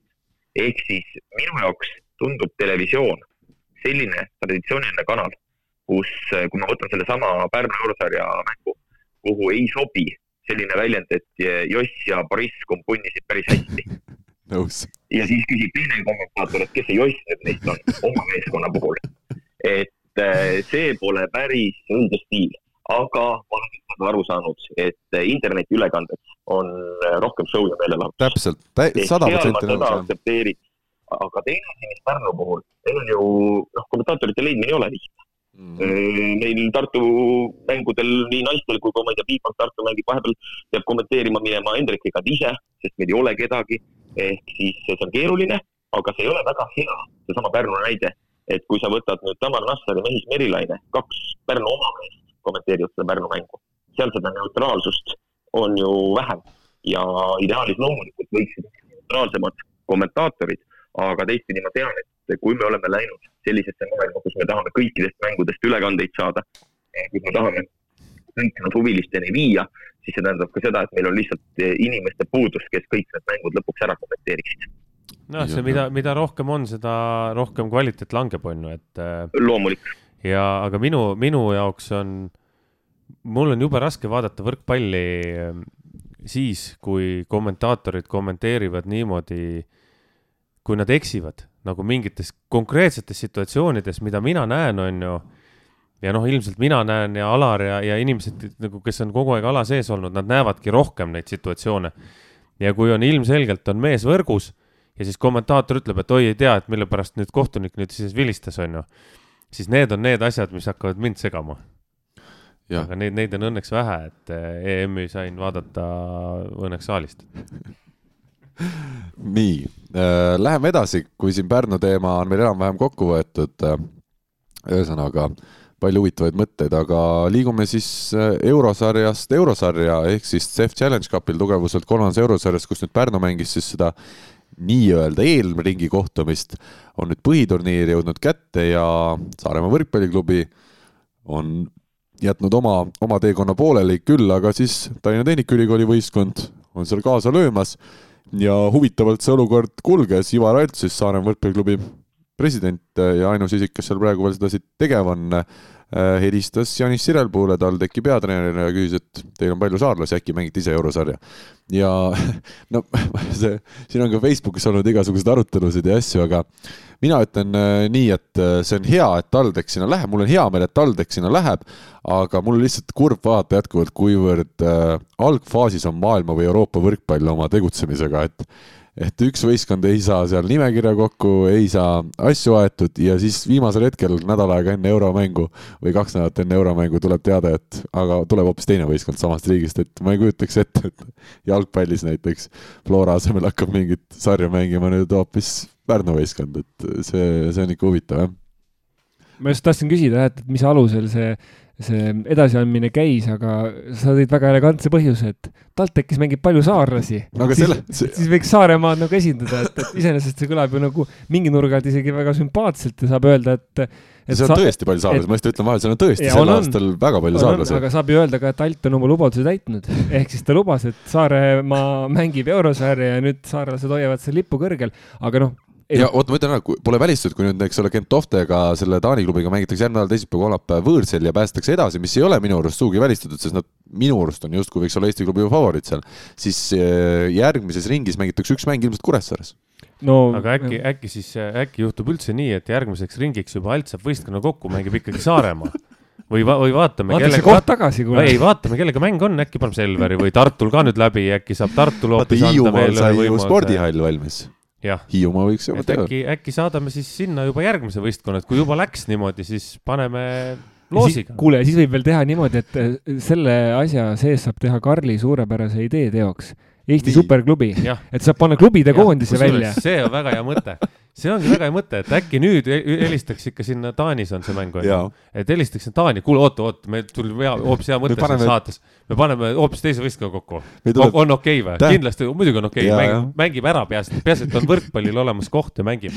aga see on natuke huvitav, et nagu taanlased nõustusid sellega, ma ei tea, kas neid üldse küsiti, aga et taanlased nõustusid, et Saaremaa tahaks saanud, eks ole, edasi, kuna Saaremaal klubi ei ole ja nad peavad ikkagi mängima TalTechiga, kes täna on äh, tugev, noh näiteks tugevam võistkond kui Pärnu võistkond, eks ole, Eestis. ei no TalTech on pädev võistkond, noh, selles suhtes ma arvan, et see Gentofega mängimiseks on, on nagu väga pädev võistkond. Alar, ootame sinu nüüd asjatundlikku hinnangut pärast seda meie lõõpimist.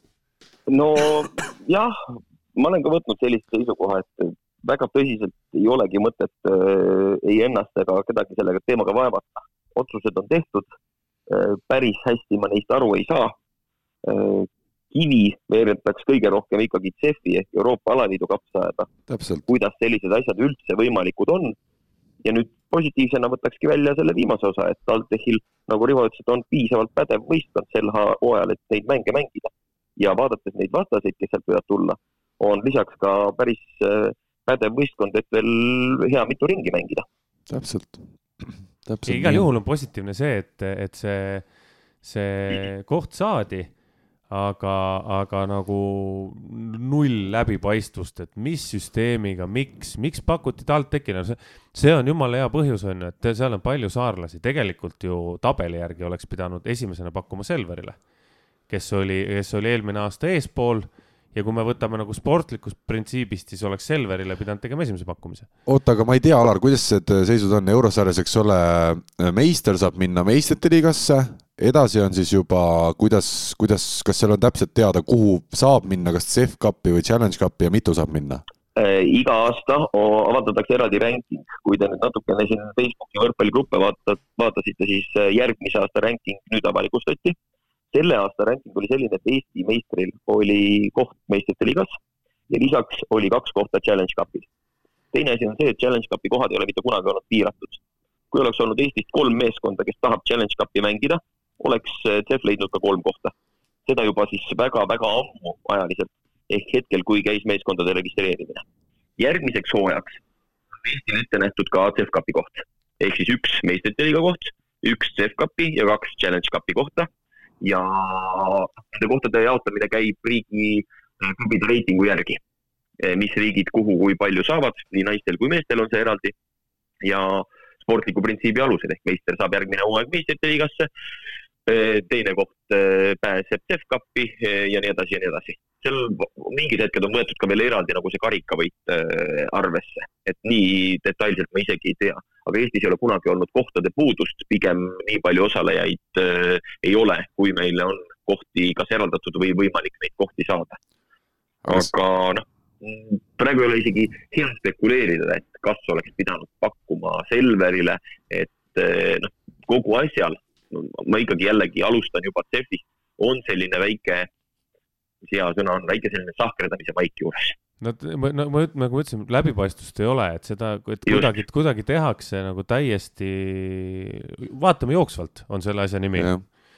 Et vaata, mis situatsioon tuleb ja sealt, sealt teeme edasi, et sellepärast. jah, jah, aga kui me mõtleme selle eelmise aasta peale, ma saan mõnes mõttes, noh, ja ka toodi ju põhjendusena seesama Covidi klausel, mis nii pädev ei ole, aga eelmine aasta eurosarjad eh, päris nukker oli. kui võtta eelmise hooaja tabel ette, siis eh, rohkem kui pooled mängud olid lihtsalt ära jäänud ja, ja tulemus oli tabelisse kirjutatud Pärnu, ma ei tea, mitmendasse ringi ta lõpuks välja jõudis. veerandfinaali vist või? jaa, aga, aga Alar, ma selle, selle koha pealt vaidlen sulle vastu, on ju, et eelmine aasta tehti reeglistiku järgi, mis ongi õige, mis tegelikult on, sest need reeglid on tehtud selle jaoks, et neid järgida. see Covidi asi, Covidi, noh, Hanno ütles ka, et noh, parem on ju võrkpalli mängida, kui mitte mängida aga siis, äh, siis, siis, siis ju ei ole mõtet reegleid teha, et teeme, pane, mängime siis võrkpalli. kes tulevad, tulevad.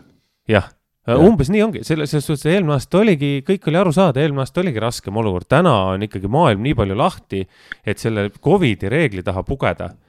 noh, ma ei tea, et äh, kui lähebki kinni mingisugune, no nagu Austria praegu läks kinni, on ju, riigina ja kui Austria võistkond ei saa mängida, siis Austria võistkond ei saa mängida, no ei ole midagi teha. ja, aga ma ütlen lihtsalt, mina siin ei näe nagu võrkpalliliidul süüd, noh mida nemad oleks pidanud tegema? ei, ei olegi, ma ei ütlegi. siin on nagu Euroopa alaliit no, ja see, et Saaremaa on nii, nagu ta on no.. Euroopa alaliit, Saaremaa, aga e Eesti alaliidu alla käib ju Saaremaa, et tema võiks ju ka natukene reguleerida ja öelda, et oot, stopp, mehed, et just, päris nii ei tee, et Toivo Alt helistab ja hakkab regullima midagi. olnuks, äh, pidanuks olema, eks ole, augusti algus, kui oli see klubide registreerimine, Saaremaa seda ei teinud, oleks võinud võrkpalliliit äh, võtta kõne CEF-i, meil ei ole sellist võistkonda nagu Saaremaa registreeritud, nad ei mängi kohalikku liigat, et äh, kas, kas me võime asendada nad kellegi teise, tahab pakkuda seda kellelegi, kes võib-olla olla kohe, nii, ja täpselt, kohe ja. alguses, siis kui on õiged tähtpäevad, õiged ajad, kui peab olema mm, -hmm. kohe alguses, sest minu arust ei saa mängida võistkonda ainult Euroliigat, on mul õigus, Alar?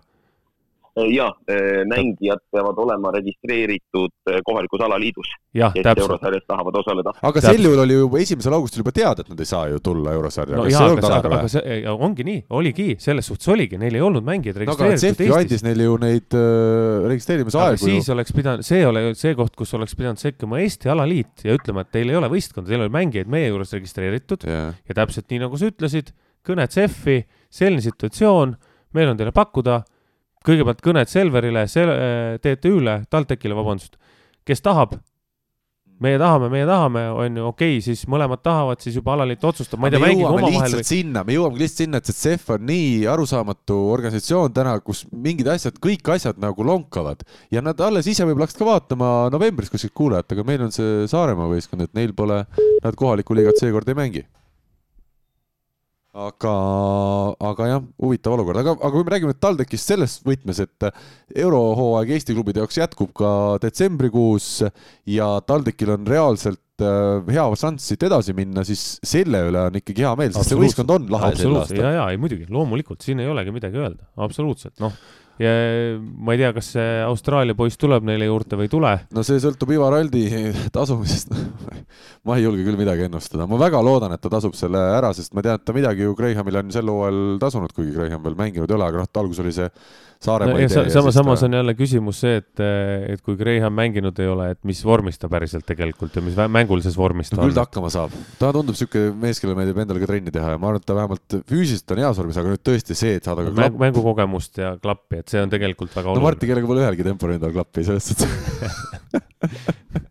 tervitused Martile kõike kõige paremat soovides. see on super, super, see on super, et TalTech läheb ja, ja, ja see on noh, selles suhtes ikkagi. ja kui Graham läheks, see oleks tegelikult ikka kõva asi juurde veel ka. ja muidugi, Alar, mis sa arvad, kui Graham peaks tulema ja nad mängivad järgmine nädal, kes on temporündajad TalTechil, seal on päris huvitav nelik siis tekki, noh, me eeldame, et Graham justkui peaks mängima, arvestades tema mänguklassi, suurust, kogemust, kõike seda, aga kas kõrval oleks äh, Sten Berillus, kes on, äh, ütleme, plokis küllaltki korralik, Danila, Mihkel Danila, kellel on selline ütleme, mängu lugemine vist kõige parem nendest, või Jan-Markus Üprus, kes on nurgamees, aga mänginud nüüd tempos nii hästi, et ongi põhikoosseisus.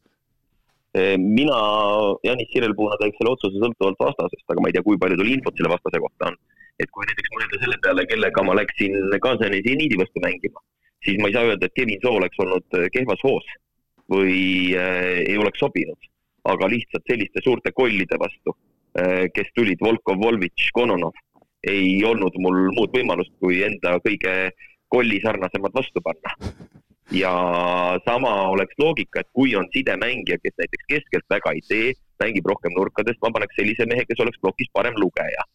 Eh, ehk eh, noh, sõltubki puhtalt sellest, kuidas see mäng on. ma eeldan, et see esimesed kaks võiks olla Graham ja Berillus, aga mängukäik, kõik muud asjad, et, et jah, see sõltub väga palju vastasest stiilist, milliste tempodega peale minna ma võtsin lahti selle Gentofte võistkonna esimene mees, esimene nimi, mis mulle ette tuleb, on Kristensen. et meil on küll Kristenson siin käinud ja see oli küll päris hirmuäratav mees, aga, aga Taani klubis on tegu äh, ühe liberoga, kes kuuldavasti väga eriline mees vist olla ei tohiks. ja üldse siis Taani võistkonnas, kui nüüd see, need andmed, mis minul on, ei, ei peta, siis ei ole ühtegi välismaalast nii et ma jätkuvalt arvan, et äh, siin peaks küll võtma TalTech ikkagi oma, sest äh, Gentoft on sel hooajal juba saanud ka ühe, ühe kaotuse Taani liigas. Alar, kuidas sina hindad olukorda, ma tean, et ega Taani võrkpallist nüüd nüanssideni kursis vist ei saa ükski inimene olla, kes ei ole just parasjagu Taani äh, võrkpalliliigas tööl. jah, klubi võrkpallist küll mitte, taanlastel on mõningad päris heal tasemel mängumehed, isegi Itaalia liigas ja noh, kuna parimad on eemal, siis äh, sama äh, sisetunne ütleb seda, et TalTech igal juhul peaks olema selles paaris favoriit. just.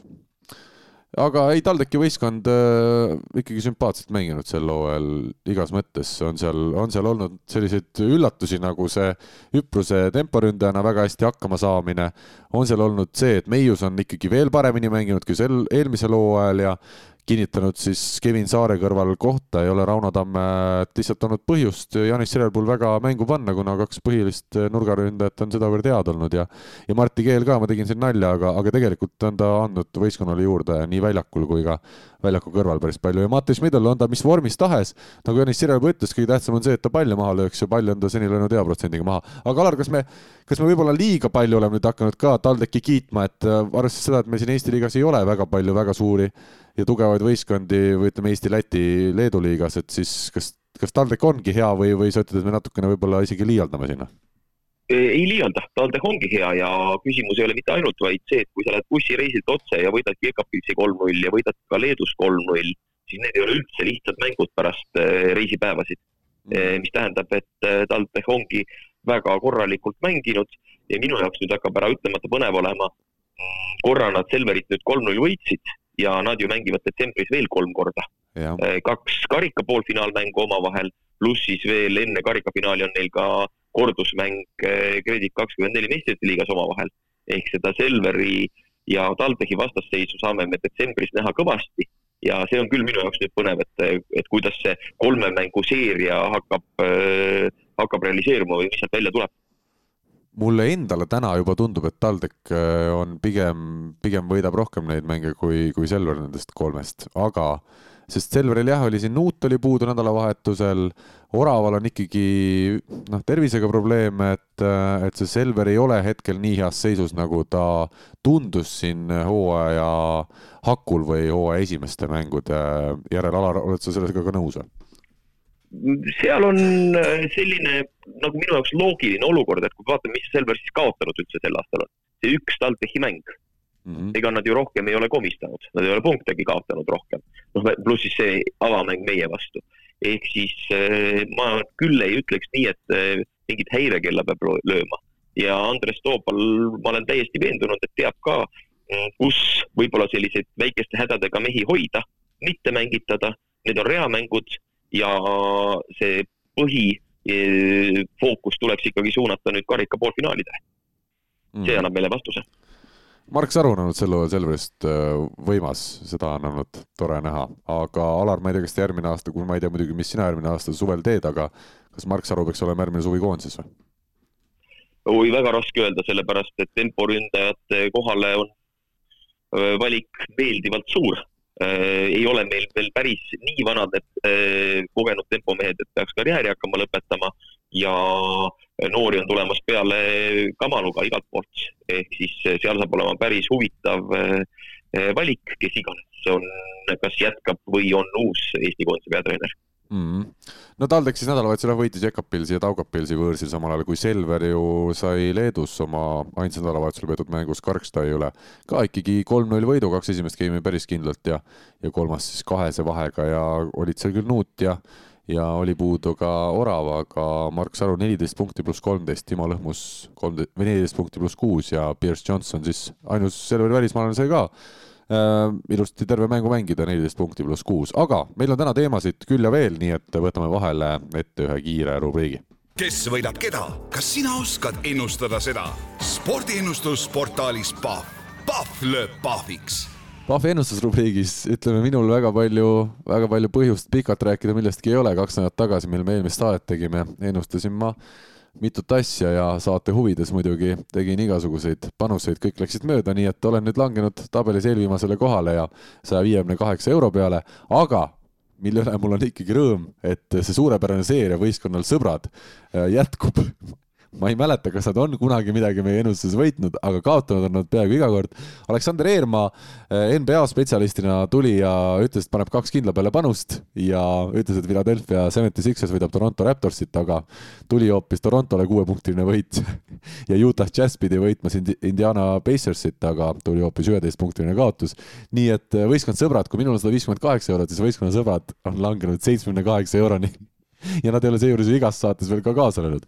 Mihklil läks oluliselt paremini, peab ikkagi tunnistama, no kaks ennustust võrkpallist ta tegi, mõlemad viisteist eurot peale läks ja, ja need siis saatsid vabandust, kolm-null võiduga meid ja, ja Mihkel on nüüd äh, teinud siis kahesaja kaheteist eurost kakssada kakskümmend kaks eurot. Äh, ja kes meil siis viimane oli, Alar. noh, Alar, sinu Armeenia ja Põhja-Makedoonia viigiennustus, tead, kuidas mäng tegelikult lõppes? Ei ole aimugi. viis-null, kui ma õigesti mäletan. viis-null jah, Põhja-Makedoonia võitis ja Luksemburg pidi siis võitma Aserbaidžaani, see oli sinu selline üllatus või selline ekspertpikk ja see oli täpselt nii. Luksemburg võitis ka Aserbaidžaani kolm-üks ja tegid siis seal kümnest eurost kolmkümmend üks, aga Rootsi ka Gruusiast jagu ei saanud, Gruusia võitis selle mängu kaks-null. nii et äh, sul kolmest ennustusest küll ainult üks läks õigesti, aga vähemalt said ühe euro kokkuvõttes äh, plussi võrreldes eelmise nädalaga aga alustame siis seekord ennustusi Rivost, sul on kindlasti mõni, mõni Mongoolia või Indoneesia liiga. Äh, mis mul seis on seal üldse? no veel juhid. kakssada kuuskümmend üks eurot on sul ja veel juhib, ütleb mees nimega Mikk Luibolet, kes on sinust kolmkümmend üheksa eurot maas, nii et siin sa juhid veel pikalt, ma arvan. ja seda kõige räägib siin sisse mees, kes on umbes sada eurot äh, Rivost. ma ka ei räägi, et Rivo veel juhib, ma ütlen, et Rivo jääbki juhtima vähemalt, niikaua kui mina neid ennustusi teen niimoodi, siis tuleb minna siit, siis võib, võib võtta väikse riski. ahah, üle pika aja. võib võtta väikse riski. ma pakun, et äh, ma pakun, oota, ma kohe pakun, kus ta mul kadus. kus ta mul kadus siin, nii, Lõuna-Korea korvpall, nii, siin ta on. Lõuna-Korea korvpallis äh, ma pakun äh, oled sa jälginud seda liigat palju selle ajal? Äh, ja, ja vahepeal, kui te saadet tegite, mina jälgisin Lõuna-Korea korvpalli mm. ja jõudsin järeldusele, et äh, Samsung Life Bloomings ja. võidab Butchenon Gebhanat mm -hmm. ja panen sinna peale viisteist eurot, see on üks koma nelikümmend viis on koefitsient mm. -hmm. Samsung, äh, ma tean, et Butchenoni naiskonna äh, serblannast tsenter on vigastusega väljas, mis võib-olla kõigil seda infot ei ole, et kõik, kes tahavad panustada siis.... mis võistkonnas see oli, see mängija? Putsin on Gebhanas. aa, ma kuulsin, et Samsungil oli jälle... ei, Samsung, Samsung võidab, sellepärast ma ütlengi, tegelikult, tegelikult, tegelikult see Putsin on kõva võistkond. ma tean, et Samsungi naiskonna mängijad kõik ennustavad PUFFis äh, Samsungi telefoniga. Androidiga. Androidiga loomulikult nii. nii, ja siis võtame siit äh, teise korvpalli veel ja ja Eesti-Saksamaa mäng. noh no, seda me ei ennusta. ahah, seal ei ole koefitsient piisavalt. see on koefitsient väga hea, Eesti, Saksamaa, vaata, mis veel on, Portugal, Ungari, väga põnev. Põhja-Makedoonia, mis siit võiks võtta, noh, paneme Bosnia-Hertsegoviina, Tšehhi. ja paneme siis, äh, paneme Tšehhi peale, Tšehhi peale teise viisteist ja kaks koma nelikümmend kaheksa on see koefitsient. selge, no nii, tuleb mängu põnevust ikka ka Rivo poolt vahepeal. mida sina, Mihkel, oled leidnud? mina leidsin Belgia võrkpalli karikavõistlused, kus ma siis oma, oma poole kui sellest kolmekümnest paneks äh, Maaseiki peale, äh, nemad mängivad Alstiga täna õhtul ja koefitsient on üks koma kakskümmend kolm. ja teine on Poola naisteliiga, ma siin pikalt juurdlesin, seal on hästi põnev seis, seal on väga tihedad mängud ja nagu hästi just äh, täna ja ja sel nädalavahetusel ka, mis ees tuleb, mängivad sellised vastased, kes on omavahel tabelis ka äh, ka suhteliselt võrdselt, aga kuna mängib selline võistkond nagu äh, siis Uchi või siis Lotši meie, meiepäraselt ilmselt äh,, ma ei tea, Alar, kes on Poola teemadega rohkem kursis, et võib kinnitada, et seda vist tuleb Uch hääldada või midagi taolist. jah, siis... N, millel on kriips, läheb Uks jah, poola keeles et kuna ma olen Utšis käinud ja see oli väga tore linn, siis ma nende peale panen ja nad mängivad, mängivad äh, Legionovaga ja üks koma neli on Utši äh, koefitsient, see on pühapäeva õhtul mäng. nii, Alar, võtame sind vahepeal. Ja mm,, võrkpall ja Poola nii. on äh, tulemas laupäeval üks väga vinge mäng, kus mängib aluroon Varta Zavjertše ja vastaseks äh, Saksa Genjerzin Kozle ehk siis äh, Gianni Reetu juhendav meeskond. Need on praegu Poola plussliiga esimene ja teine meeskond. Saksa mängib võõrsil, äh, on võitnud seni kõik mängud plussliigas ja ma uh, usun ja loodan, et nad jätkavad oma seeriat ja koefitsient on üks koma seitsekümmend kaks. Täpselt asi, mida mina, no ma nüüd teen siis ütleme saate huvides mitte nii huvitava ennustuse ja pakun samamoodi paneme viisteist eurot siis äh, Saksa peale minu poolt ja, aga ma kuulan sinu teise ennustuse ka ära, siis ütlen oma asjasse. minu teine ennustus on nüüd äh, koht, kus ma tahaks äh, kindla raha kätte saada ja mm. jällegi Eestiga seotud inimese peale panna, ehk siis äh, Skrab Euhatov võidab äh, Trefl Gdanski. ja teine viisteist eurot läheb sinna, koefitsient on Euhatovil üks koma kakskümmend viis selge.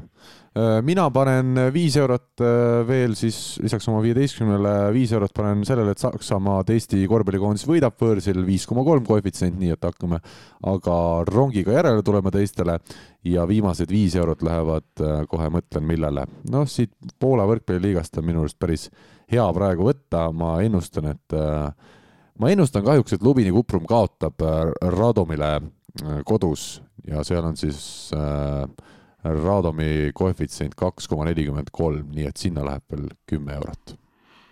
nii, aga meil ennustused tehtud, lähme edasi, meil teemasid jagub.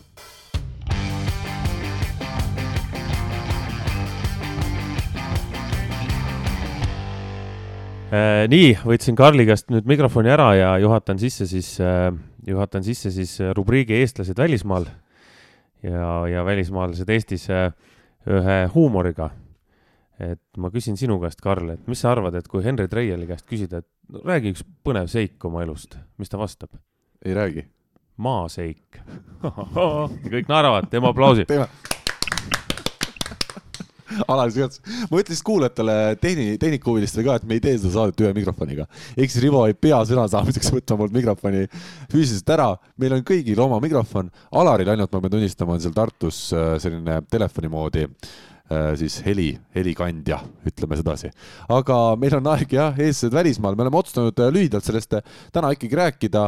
kõige tähtsam ja kõige kurvem sündmus on ilmselt see, et Märt Tammearu sai vigastada siis mees, kes meil mängib tänavu Belgia tippklubis Roselaares ja kõhulihase rebend, kaks sentimeetrit sellel siis ulatust ja vähemalt kuu aega peaks nüüd Tammearu ilmselt eemal olema. Alar, sa oled nende kõhulihase vigastustega kokku puutunud Eesti koondise lainel ka kas sa usud, et kuu pärast ikkagi võiks olla Märt juba tagasi või sulle tundub, et see on pigem selline väga optimistlik prognoos? kui see info vastab tõele, rebendi ulatuse osas, siis noh, sõltuvalt sellest üks äraütlemata vastik vigastus, mis võib jääda saatma aastateks, kui ta korralikult kokku ei kasva. teine asi, isegi kui ta kasvab, siis võib sinnasamma kõrvale järgmine rebend tekkida. Et ma panen kogu panuse sellele, et teades, et nii on, ka Eesti enda meestel on olnud näiteid, et meditsiiniline tase ja füsiote tase Belgias on väga kõrge.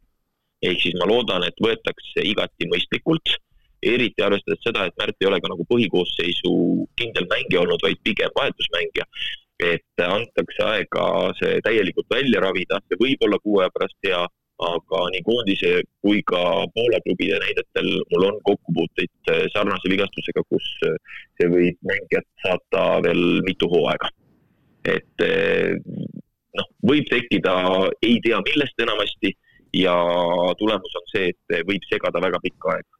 seal mitte midagi muud kui Märdile head paranemist ja eh, väga tõsiselt vaadata, et liiga kiiresti uuesti palliplatsile tagasi tuleks.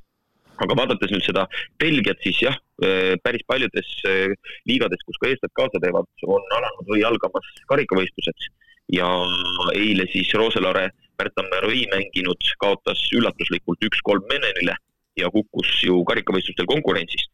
ja see mees, kellega põhikoosseisu koha eest äh, Tammearu võitlust peab, ehk siis Matis Desmet, tegi üsna kehva partii, kümme punkti miinus neli. et äh, täpselt sattus ka selline päev, kus ma arvan, et Märdil oleks olnud võimalus särada ja võib-olla äh, sellesse mängu see pööre tuua. ja täna õhtul Greenyard maaseik, kust on pärit Henry Treiali elu huvitavaim seik, mängib siis viimase veerandfinaali Lindemann Altiga, et loodame, et neil läheb hästi. ja et Belgiasse selleks nädalaks veel seda põnevust siis juba kahekümne seitsmes november paistab Belgia meistrivõistlustel eh, omavahel vastamisi Greenyard maaseik ja Roosalaare ehk siis Belgias põnevust nüüd äh, lähipäevadel äh, ja jälgimist Eesti võrkpallifännidele omajagu. See oli praegu minu arust nagu ilmaennustus, et ja seitsme päeva pärast on näha ka tulemas tumedamaid pilvi Eesti kohale, õhutemperatuur kerkib seitsme kraadi juurde. üks asi, Alar, mis mina märkasin, eile mängisid Savo Volley, aga Volley jälle Äh, siis Soome kõrgliigas ja Savo võttis jälle kindla võidu. aga mis oli nüüd meie jaoks ikkagi meeldiv, oli see, et äh, Savol ainuke mees, kes üle kümne punkti kogus, oli Andrus Raadik, seitseteist punkti pluss seitse võitjatele siis. ja kes kaotajatele ainsana üle kümne punkti kogus, oli Kristo Kollo, seitseteist punkti pluss kaheksa, nii et Eesti mehed, tundub, Soomes on saanud ilusti oma hooaja käima Need mõlemad mehed on väga hästi saanud hooaja käima ja kui sa vaatad äh, Soome meistrivõistluste edetabelit, siis esikohal on Savo, teisel kohal on Agavolli ehk siis Raadik ja Kollo. Noh, nagu öeldud, eh, Valep on nii palju vähem mänginud, et neil on ainult seitse mängu, kõik võidud, et eh, eks hooaja käigus see Valepa tõuseb ka sinna ette, aga tundub, et Soomes see esikolmik hakkab juba päris selgelt joonistuma.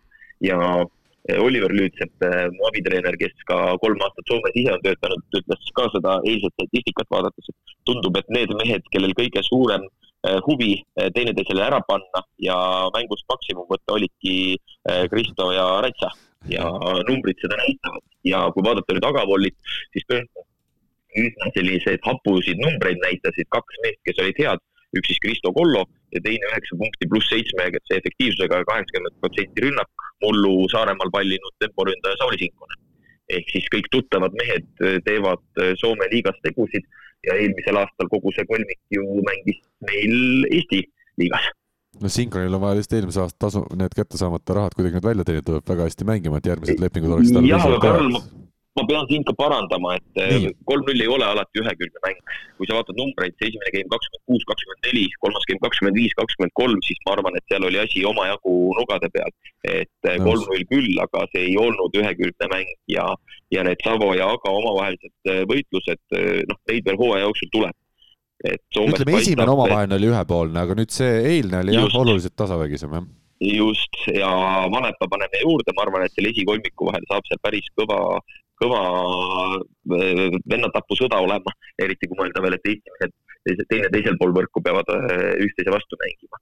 et igati, igati tore ja näha on minul väga hea, et mõlemad Eesti Eh, mehed ka sellises, sellise enesekindlusega ja nii heas vormis seda hooaega on alustanud, et nad veavad oma meeskondi mida, Alar, veel põnevat välja tuua, no Eesti tõesti on välismaal palju mängimas mehi-naisi kokku seal mitukümmend, et äh, kas midagi huvitavat on su silma jäänud ka, mingeid huvitavaid arenguid või, või sündmusi?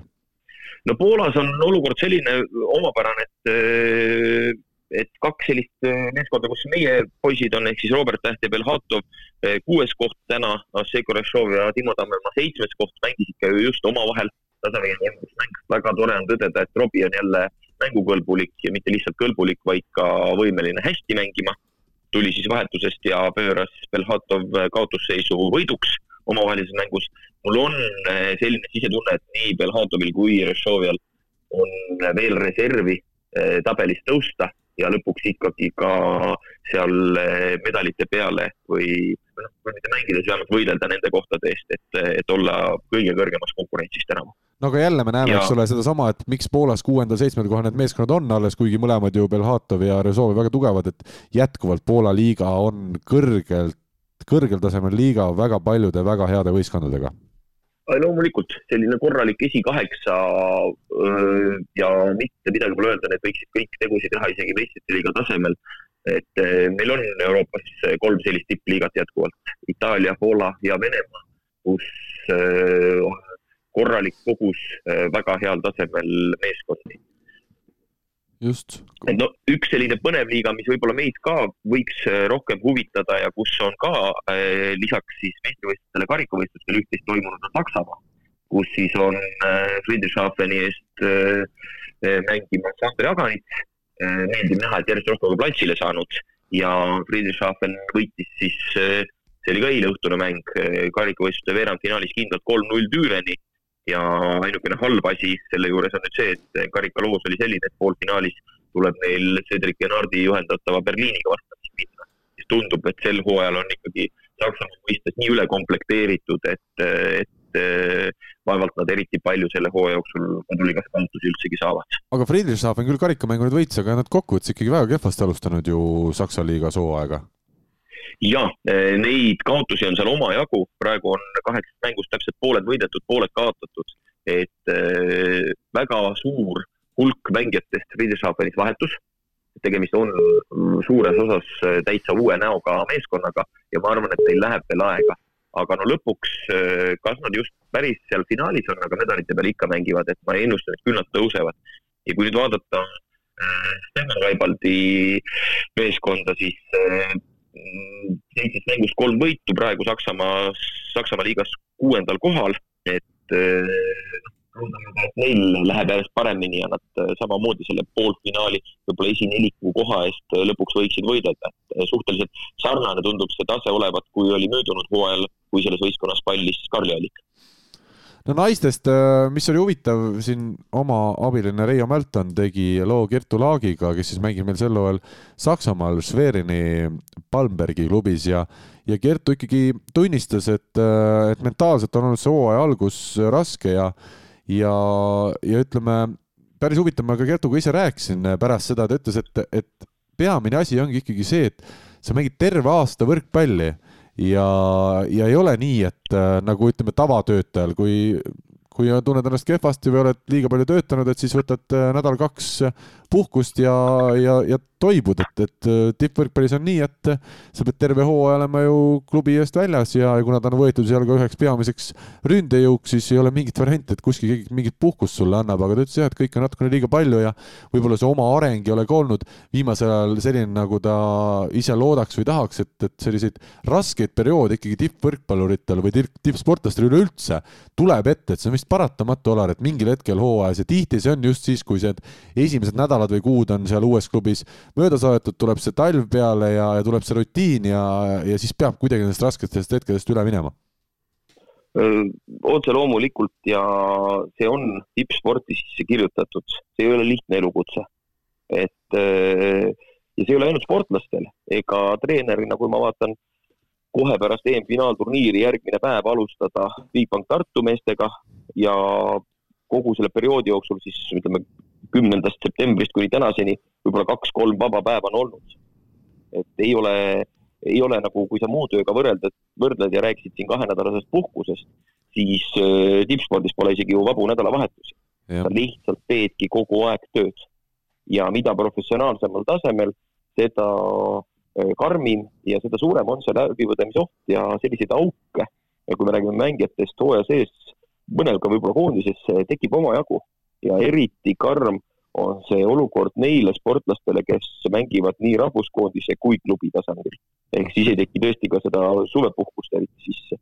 ja ma ise ennustasin, äh, esimesed äh, vigased äh, üle Euroopa hakkavad siin tulema, et mõeldes tagasi eelmise suve võrkpallikoondiste graafiku peale, eriti tippsatsid, kõigepealt hullumeelse graafikuga VNL ehk maailmaliiga, siis otsa olümpiamängud ja veel varasügisel Euroopa meistrivõistlused mm, -hmm. siis äh, karta on, et äh, inimkeha sellele koormusele väga hästi vastu ei pea ja kõik liigad ju hakkasid kohe pärast EM-finaalturniiri samamoodi pihta.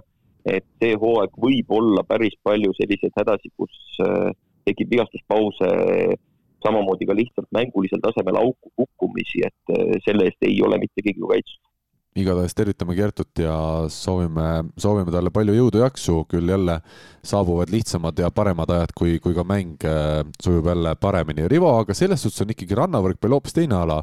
ma tabasin ennast praegu mõttelt, et rannavõrkpallis sa saadki tegelikult võtta kasvõi keset hooaega, kuu aega pausi, ei mängi kahel MK-etapil, kosud, taastud, saad oma, ütleme ka vaimu äh, sedasi erksaks ja, ja lähed tagasi sinna karusselli, et, et rannavõrkpallis sa ei ole päris aasta läbi nagu kuidagi kinni milleski. sa võid saalis ka kuu aega pausi võtta ju. nagu treener ütleb sulle, et sa ei võta, sul on leping siin. tulete õhtul trenni. rannavõrkpallis samasugused lepingud eh, selles suhtes nagu tipp, tipp, tippkohtades, aga jah, selle, selle koha pealt on sul õigus küll, et, et eh, noh nii ongi, et sa võid seda teha, aga seal on sama teema, et sa võtad kuu aega pausi, ei mängi, trenni sa pead ikka tegema, taastuma sa pead või selles suhtes hoidma oma vormi sa pead ikka, et sa päris nagu lamada ei saa, et siis sa pead alustama otsast peale.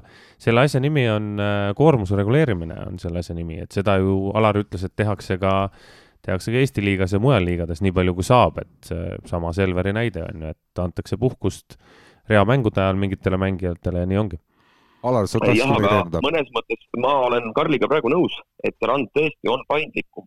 seda küll, ja, ja kindlasti, paindlikum kindlasti. ei saa ju jätta, kalender on paigas ja kalender on tihe ja mängud on kogu aeg ära, sa ei saa jätta seda ühele mehele võib-olla vahepeal anda. aga ranna paindlikkus, Rivo võib nüüd täpsustada, eh, sõltub ka natuke sellest, mis tasemel sa mängid.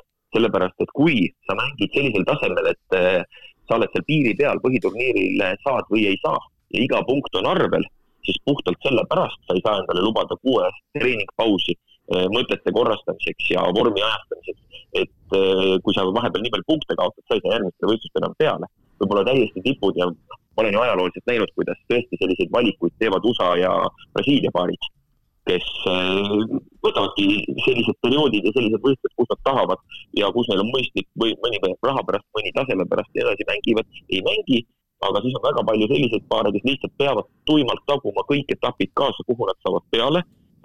piisavalt äh, edetabeli punkte, et üldse mängima pääseda ja, ja ei, selles suhtes ongi õigus, et seal äh, ongi paindlikum, sa saad võtta selle riski ja, ja pead mängima, siis pead mängima, et äh, samamoodi noh, ma ei tea, võime korvpallist võtta äh, võime võrkpallist võtta näiteid, et tugevamad võistkonnad saavadki, hea küll, kui võrkpallis on raskem, on ju, võtame kasvõi sellesama Tartu ja, ja Kaasani seniidi mängu, eks, siis äh,, siis sul on ikkagi, see on nagu täiskoosseisu, ma ei tea, kas on keegi kunagi välja vahetanud ja andnud neile ühe mängu puhkust, et üldiselt ikka keegi ju jääb peale, kas side või mingi tempo mees või diagonaal, et nagu kõigile anda ei saa kui sa oled tugev rannavõrkpallis, Alar tõi väga õiged näited, noh, brasiillased, sakslased kunagi, nad tegidki nii, et nad jätsid kaks etappi vahele, nende jaoks ei muutunud sellest mitte midagi, puhkasid, ravisid ennast, tulid tagasi, olid ikka tasemel. aga ongi, et kui sa oled see võistkond, kes peab kütma, siis sa pead kütma, samamoodi saalivõrkpallis on ju. kui sa oled hea võistkond, sul on ühtlaselt komplekteeritud tugev võistkond, sa saadki mängida nii, nagu tahad, mingeid mänge, aga mingeid mänge sa noh, pead lihtsalt täiskoosseisuga panema, et ja, ja kui sa tõid selle Kaasani seniidi, siis Kaasani seniit on väga suures osas enne meie mängu ka Venemaa liigas teinud neid vahetusi, andnud põhimeestele puhkust, mängitanud kas pooleldi või isegi suures osas teist koosseisu, sest olukord oli lihtne. ära ütlemata tore oli tõdeda seda, et meie vastu nad ei saanud nii teha. Ja, ja, ja igal juhul jah. seisuga oma, oma kolm-üks pluss veel kaks geimi ära mängima ja kõige viimaseks geimiks ainult alles, kui oli edasipees tagatud, siis saadi see vahetusmeeste vangerdus teha mm. -hmm, jah aga meie jätkame siin naistest rääkimist ja lühidalt äh, sellest, mis on siis viimase nädala jooksul toimunud äh, Eesti naiste võrkpallis kohalikul tasandil. Tartu Ülikool Bigbank äh, võitis siis Balti liigas nädalavahetusel ette ikkagi sellise kõva, kõva Balti turnee, ainult ütleme, oleks seal võinud veel Smilers juures olla või mõni teine selline tuuritaja veel, võib-olla oleks, oleks Lätiski natukene tehtud veel rohkem tormi, aga tormi tehti niikuinii, võideti siis kolm mängu. esimene mäng Riia ülikooli vastu kolm-null, teine mäng Jelga vastu kolm-kaks, muide huvitav kõigil võrkpallisõpradel vaadata, kui Võrkpalliliidu lehelt vaadata seda, seda tulemust, selle mängu tulemust, siis ametlikus proto-, või ütleme selles siis tulemuste listis on tegu kaks-kaks viigimänguga, et sinna ei ole seda viimast geimi veel jõudnud. aga, aga küll seegi kunagi jõuab, Tartu igatahes selle mängu võitis kolm-kaks ja pühapäeval siis viimases mängus Riia võrkpallikooli võideti kolm-null, nii et ütleme, kui me kui me oleme rääkinud siin sellest tasakaalust Eesti-Läti võistkondade vahel meeste osas, siis seda on huvitav jälgida ka naiste osas. Kaunas on siis Balti liiga liider seitsmest mängust kuus võitu ja Tartu Ülikool Bigbank tabelis teine, punkte sama palju, kaheksateist, võetud siis kuus võitu, aga saadud ka kaks kaotust ja Tallinna Ülikool Kikas hetkel Balti liigas siis kolmandal kohal seitsmeteist punktiga kaheksast mängust sarnaselt tartlastele siis kuus võitu, kaks kaotust. aga Mihkel, millised on sinu sellised suuremad tähelepanekud viimasest nädalast? No esiteks äh, meil on olemas võistkond nimega TalTech Tradehouse.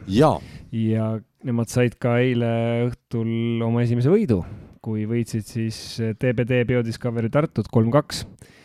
ja lisaks. see oli siis nüüd Eesti liigas? see oli Eesti liiga mäng just ja lisaks nendele, mm, sellele Tartu naiskonna siis võitudele siis tegelikult tegi ju puhta töö ka Tallinna Ülikool Kikas äh, sellel möödunud nädalavahetusel siis võideti sedasama äh, TalTechi kolm-null ja siis äh, võideti ju ka, mm, võideti ju ka siis äh, Audentest.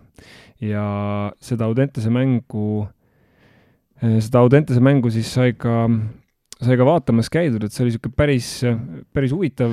kusjuures see on nüüd väga, ma ütlen, ajalooliselt hea võimalus, me saame kuulda selle mängu kohta, statistikat sellest mängust üleval ei ole mingil põhjusel, et et kuidas seal läks. tulemust ma näen, Tallinna Ülikool Kikas võitis kolm-null, jah. jaa, see oli selles mõttes väga, väga põnev kulgemisega mäng, et esimeses game'is äh, Audentes läks juhtima kümme-neli, kaksteist-seitse, siis oli veel kuusteist-kuusteist viik ja kuusteist, kuusteist viigi seisu pealt äh, siis Tallinna Ülikool Kikas võitis kakskümmend viis, kuusteist. kes ära servis?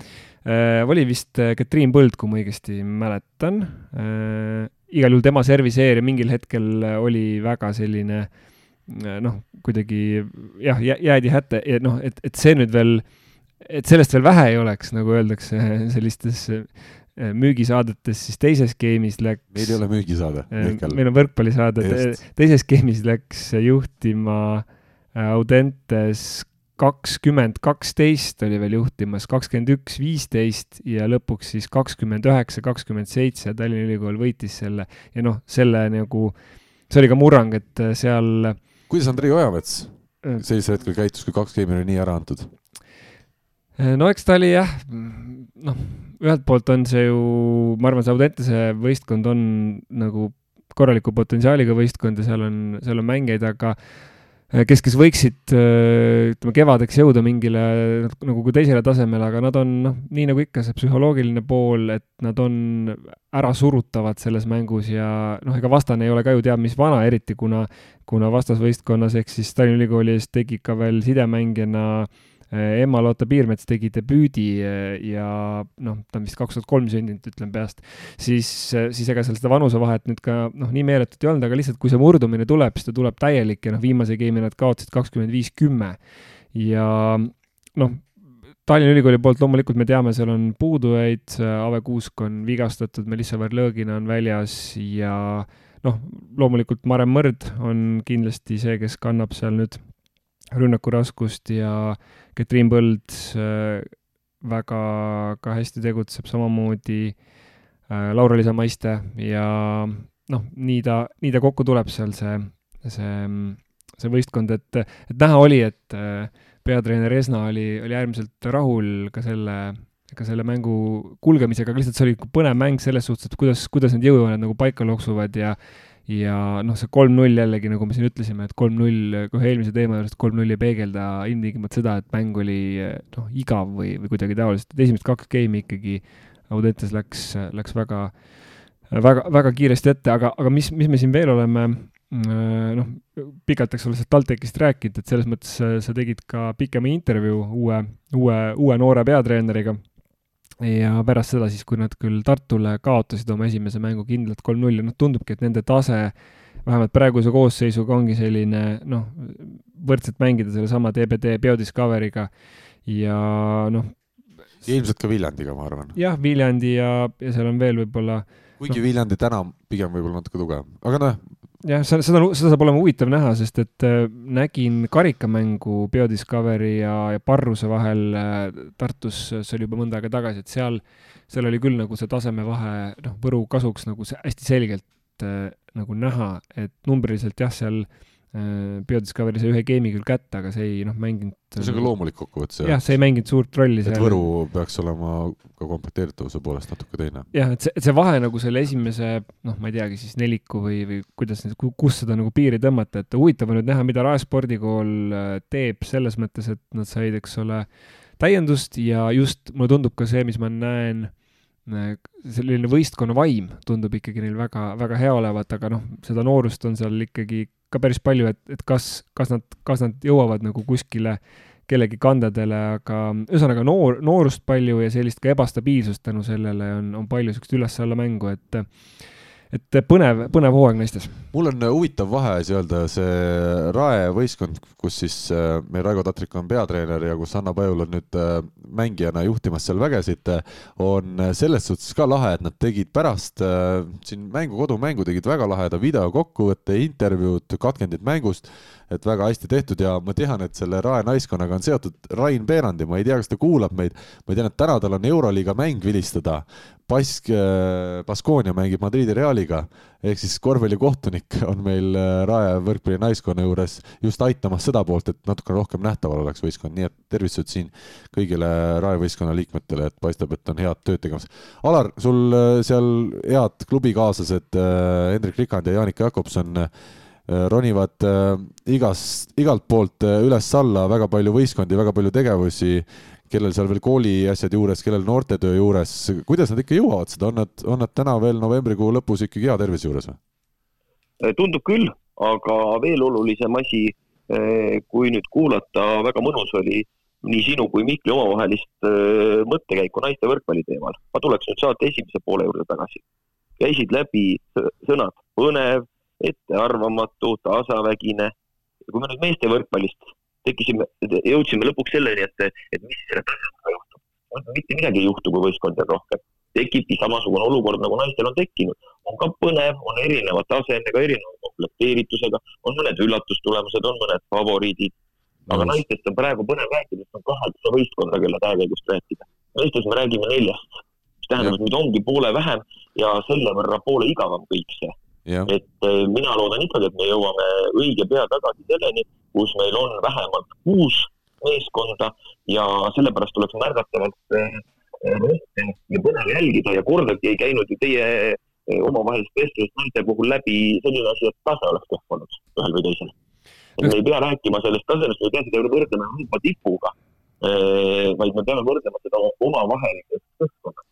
ja sellepärast jõuaks jälle selleni, et meestes võiks ka sinnapoole liikuda, et meid on rohkem, isegi kui see tähendab eh, võib-olla selle mingisuguse taseme kukkumist, aga see keskmine omavaheline supp jääb veidi lahjemaks, aga sellegipoolest on võrkpallifännile huvitav. Täitsa toetan seda mõtet ja just seesama, et loomulikult ka naiste liigas tasemevahe eh, ülemise ja alumise otsa vahel on, on, on päris selge, aga me selles mõttes jah ei räägi sellest, kuna kuna ka, ka võistkonnad, kes seal allpool mängivad omavahelistes mängudes, see on ikkagi huvitav ja, ja noh, jah, need jõujooned pannakse paika, kes on all, kes on üleval, aga omavahelised mängud on just põnevad, nii et täitsa nõus ja seda ei tasu peljata, et, et nüüd see liiga tase langeb. Ise, omaette küsimus on see, et selle juures tuleb ka jälgida seda, et, et neid mängijaid nagu jätkuks äh, selles mõttes, et ähm, me ei mängiks samade mängijatega kõiki liigasid, et ma võtsin siin ka ühe näite välja eelmisest aastast kus üks äh, noor, noormängija, noortekoondise mängija, tüdrukutes ise rääkis sellest, et ta mängib korraga viies erinevas liigas. Ehk siis ta mängis Audentesega Balti liigas ja naiste meistriliigas, siis ta mängis veel naiste esiliigas oma kasvatajaklubiga, pluss noori erinevat kahte vanuseklassi, pluss siis veel karikavõistlusi täiskasvanutes, et noh, see. kuus lausa, jah? jah, et see on nagu noh, need on enda sõnad, eks ole, ja, ja see minu meelest on nüüd see koht, kus tuleb öelda, et see ei ole nagu normaalne, et sellise noh, see lihtsalt pikas perspektiivis ei ole kuidagi nagu päriselt nagu jätkusuutlik, et, et see natuke nüüd on äh, selle naisteliigiga ka see teema, et, et ta on hästi noor ja et kas äh, nii mitut sarja paralleelselt mängides, et küsimus ongi Alari nagu sõnasaabast kinni haarates, et kuidas meestes midagi sarnast nüüd teha, et kas see saab olema nagu noortele baseeruv äh, laienemine, ütleme taaslaienemine, taas siis nagu kuue peale, mina mõtleks samamoodi taas kaheksa peale, et mina mäletan aegu, kus mängisid ikkagi kaheksa võistkonda ja see oli väga mõnus seda tabelit täita seal, et, et millega, mille nagu arvelt tagasi minnakse selle kaheksa peale näiteks? no vaata. aga ma arvan, et seal ongi kaks asja, üks on noored, teine on see, et meil ikkagi on meistriliigast läinud praegu esiliigasse omajagu mängijaid, kes võiks mängida. ja ega esiliiga võistkond, me rääkisime ju sellest, et kas kuhugi Viljandisse, Rakverre või Võrru tekib uuesti eh, klubi, aga ühe või teise esiliiga klubi baasil Äh, võiks ka hakata arenema ja mõtlema selleni, et kuidas jõuda järgmisele. aga siin tuleb mängu seesama, millest me ennem rääkisime, see noorte arv, sest täna peaks see protsent tüdrukud, poisid olema enam-vähem seitsekümmend, kolmkümmend. Et seitsekümmend protsenti on tüdrukuid noortetrennides ja poisse on kolmkümmend, sealt hakkab mängijaid lihtsalt puudu jääma. see, see on see probleemne koht, millega tuleks tegeleda minu arust, et kui me tahame minna liigaga kuue või kaheksa võistkonna peale meestes, siis seal peaks tegelema et neid mängijaid tuleks peale, tüdrukute poole peal, naiste poole peal seda probleemi täna, ma arvan, ei ole, neid ja tuleb nii palju peale. nojah, ja naistel pannaksegi neljateist aastat juba meistriks väljakule, no kogu austuse juures meeste võrkpallis me ei saa panna. aga miks mitte, kui me tahame, kui me tahame, saame, ei, vahet ei ole, kui me tahame saada rohkem võistkondi siis täpselt nagu Alar ütles ja täpselt nagu Mihkel ütles. aga siis me oleme juba meistriga, mingid madalamad on siis kehvema tasemega kui esiliiga võistkond või? Äh, ei no praegu, praegu on ju ka mingid madalamad naiskonnad on, ma arvan, kehvema tasemega kui esiliiga võistkond, no kuule. ma arvan küll, et nad seal võiksid mängida omavahel viimased küll no jaa, aga täna, kui me paneme neljateist aastast poisid väljakule meistriga, siis nad kaotavad null kolm enamikele esiliiga klubidele ju no, no hea küll, see, see, sul ei ole ju ühtegi võistkonda täna naiskond või naiskonda, kus on, kõik on neljateistaastased väljakul ju, nad on ikkagi. no kõik on neliteist, viisteist on seal need tagumised ju. komplekteeritud, no aga, aga see on, see on järelkasvu koht selles suhtes. et see vahe tuleb sisse, loomulikult ta tuleb sisse, aga, aga see ongi järelkasvu koht. sest täna vaadates neid samu Kredit kahekümne nelja liiga Läti võistkondasid, eks ju, siis noh, võib ka ju küsida, aga mis nad üldse mängivad siin, et, et ega see ju tase ei ole ka see, on ju siis, äh, siis kus, kuskilt tuleb kasvama hakata ja minu, mina ütlen ikkagi, et tuleks vaadata üle see noorte pool, et kuidas me saaks selle uuesti ülesse ja sealt hakkab neid võistkondi tulema.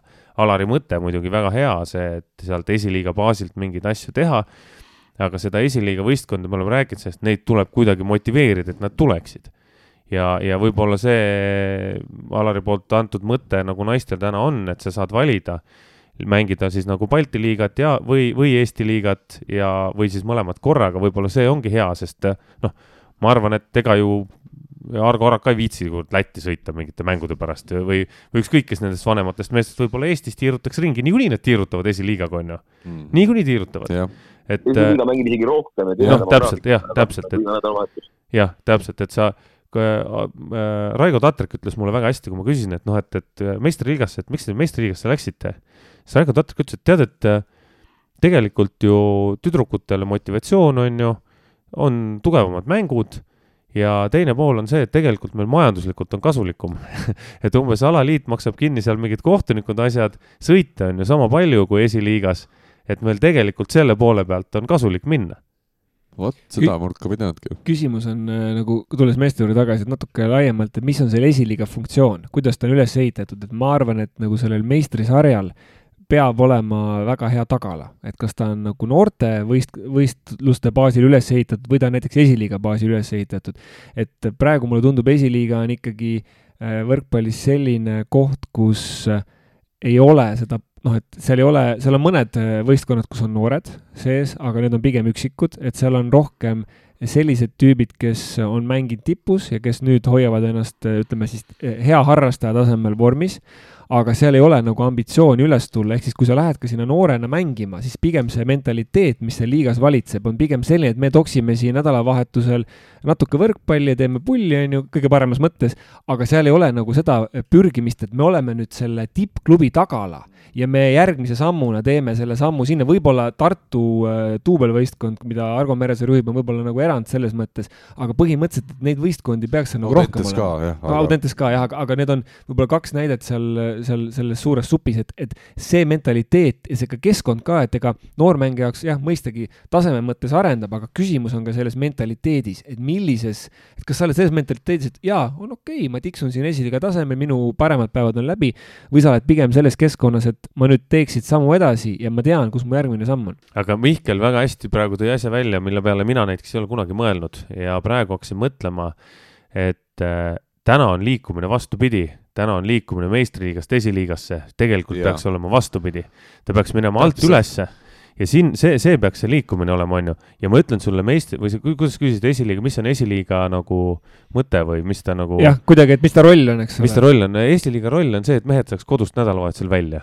no ja, ja täpselt ja, ja see on see mentaliteedi poolt ja see nii ongi. minnakse see... sinna kuskile la la la, vägev, teeme oma spordi ära ja siis vaatame edasi, mis ja, saab. ja, ja siis ma tahakski öelda, et siis sellelt liigalt me ei saagi oodata järelkasvu kõrgliigale, kui seal on selline mentaliteet, et noh, ja nagu te ütlesite, ülevalt alla liikumine, siis järelikult järgmine asi liigutakse sealt veel alla, et kui tahetakse õlut juua, siis minnakse veel. see on see kõige suurem oht, et meil on täna neli meistriliiga võistkonda ja me ei näe, et esiliigast oleks meeletuid huvilisi, noh, Viljandi, ma tean, on seda välja öelnud, nad tahaks meistriliigast tulla, aga nad ei ole isegi esiliigas hetkel seal esimese paari parema hulgas. et ja kui ma jälle mõtlen nagu väga lihtsa näite kõrval jalgpalli esiliigas on paremad klubid on ikkagi selge visiooniga jõuda kõrgliigasse ja maksavad mängijatele palka. täpselt samamoodi korvpalli esiliigas on mängijad. ja väga palju noori on, väga palju, väga, väga madal juurde, keskmine jah. vanus on selles et mõttes. me võtame, täna me nimetame Eesti võrkpalli esiliigat esiliigaks, mis peaks olema justkui see järgmine aste meistriliigas, aga tegelikult ei on ta rahvaliiga pigem. ta on, pigem rahvaliiga moodi, ma, ma, ma olen nõus. oma olemuselt. oma olemuselt. kuigi tasemelt on meeskondi, kes oskavad kõrgel tasemel kohati mängida. ja rahvaliiga ei tähenda nagu halba taset, eks ole, ütleme, et ta on niisugune nagu. Just, aga see mõte ta ei ole nagu, jaa, ütleme, kui me eraldame nagu tippliigad ja harrastusliigad, siis esiliiga võrkpalli mõistes on harrastusliiga. ja järelikult noh, ka selle nagu meie vestlusringi tulemusena ma saaks nagu seda öelda, et, et järelikult see hüpe, kui me tahame neid võistkondi juurde, peaks tulema noorte liigade pealt või noorte pealt, et see esiliiga tuleb nagu natuke nagu praegu ära unustada, selles mõttes, et sealt pealt hüpet ma ei näe sõbrad, meil on veel kuulajate küsimused ja kuna väga häid küsimusi tuli, mille üle tahaks arutada, siis võtame lihtsalt täna ette selle rubriigi ja, ja läheme edasi.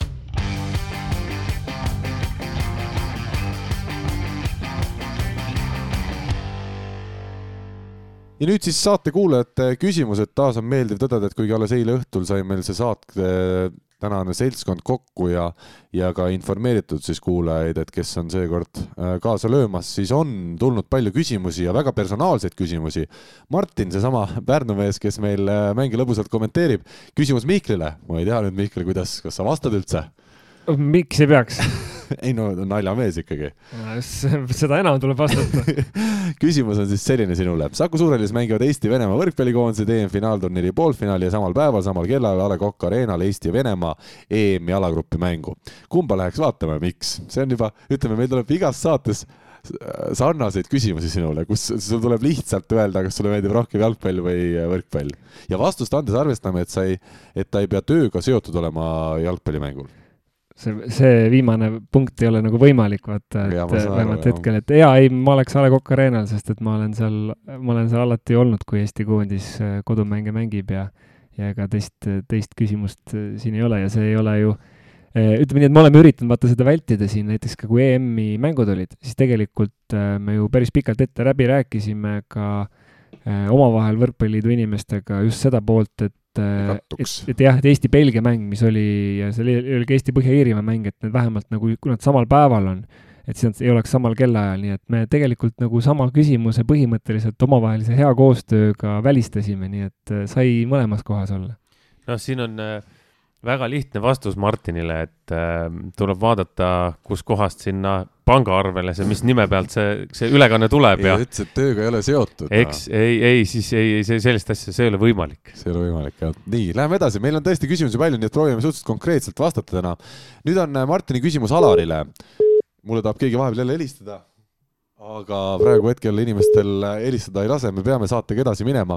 Ja mul ei ole ka ühtegi paremat lahendust, meil lihtsalt Alar on telefoni teel ühenduses ja, ja kedagi teist ei saa samal ajal ju sedasi keelata siis kõnet tegema. aga järgmine küsimus siis jah, kas mingist karikast ilmajäämine sellel hooajal, pean siis silmas Eesti karikavõistlusi, Grade kakskümmend neli meistriliigat ja Eesti meistrivõistlusi, oleks täielik altminek ja kas kaaluks peatreeneri kohalt tagasi, tagasiastumist ise? Alar, vot selline küsimus sulle. Äh, täielik altminek mitte. meil on kaks äh, võistlust, kus on omajagu juhuslikkust. Need on karikavõistlused ja Kredit kakskümmend neli meistrite liiga. ma pean siis silmas seda, et Eesti karikavõistluste finaal ühest mängust. kõike võib juhtuda. võib äh, juhtuda, et mõni mees jääb haigeks. võib juhtuda, et ongi üks kehv päev. ja samamoodi Kredit kakskümmend neli meistrite liiga Final Four, poolfinaal, järgmine päev otsa finaal. ehk sellistes asjades on spordis väga palju juhuslikkust ja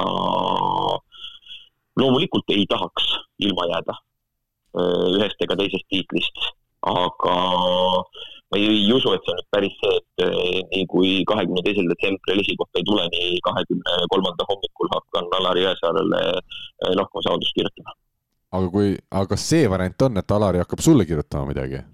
jaa, loomulikult. see variant, et peatreener lastakse pärast ühte või teist hetke eh, julmalt lahti, seda me oleme näinud igal spordialal, ka võrkpallis, ka Eestis. ja no, selleks tuleb seda tööd tehes, jaa, ka Tartus. ja selleks tuleb seda tööd tehes valmis olla selge, ma küsin kiiresti vahele, kas Gert Toobal on nüüd äh, tagasi treeningutel Tartus või veel ta päris võistkonnaga kaasa ei tee trenne? Gert on tagasi treeningutel Gert juba mängib kaasa ka kuvikuid. praegu on mul omajagu mõtlemist ja kombineerimist, kuidas treeninguid nii läbi viia, et eh, kolm sidemängijat korraga töös oleksid, aga me oleme sellega hakkama saanud ja Gerdi koormus ei ole võrreldav teistega. et eh, mõelda näiteks kas või selle nädala peale, meil olid trennid, kus Gert pidi kaasa esmaspäeval, teisipäeval. eile, eh, kolmapäev oli siis mäng Pärnuga, täna on puhkepäev, homme sõidame juba Leetu ehk tema jaoks olidki siis trennipäevad esmaspäev, teisipäev ja ülejäänud päevad tegeleb ta üldfüüsilise treeninguga nägin teda, nägin teda täitsa eile jõusaalis, oli kohal.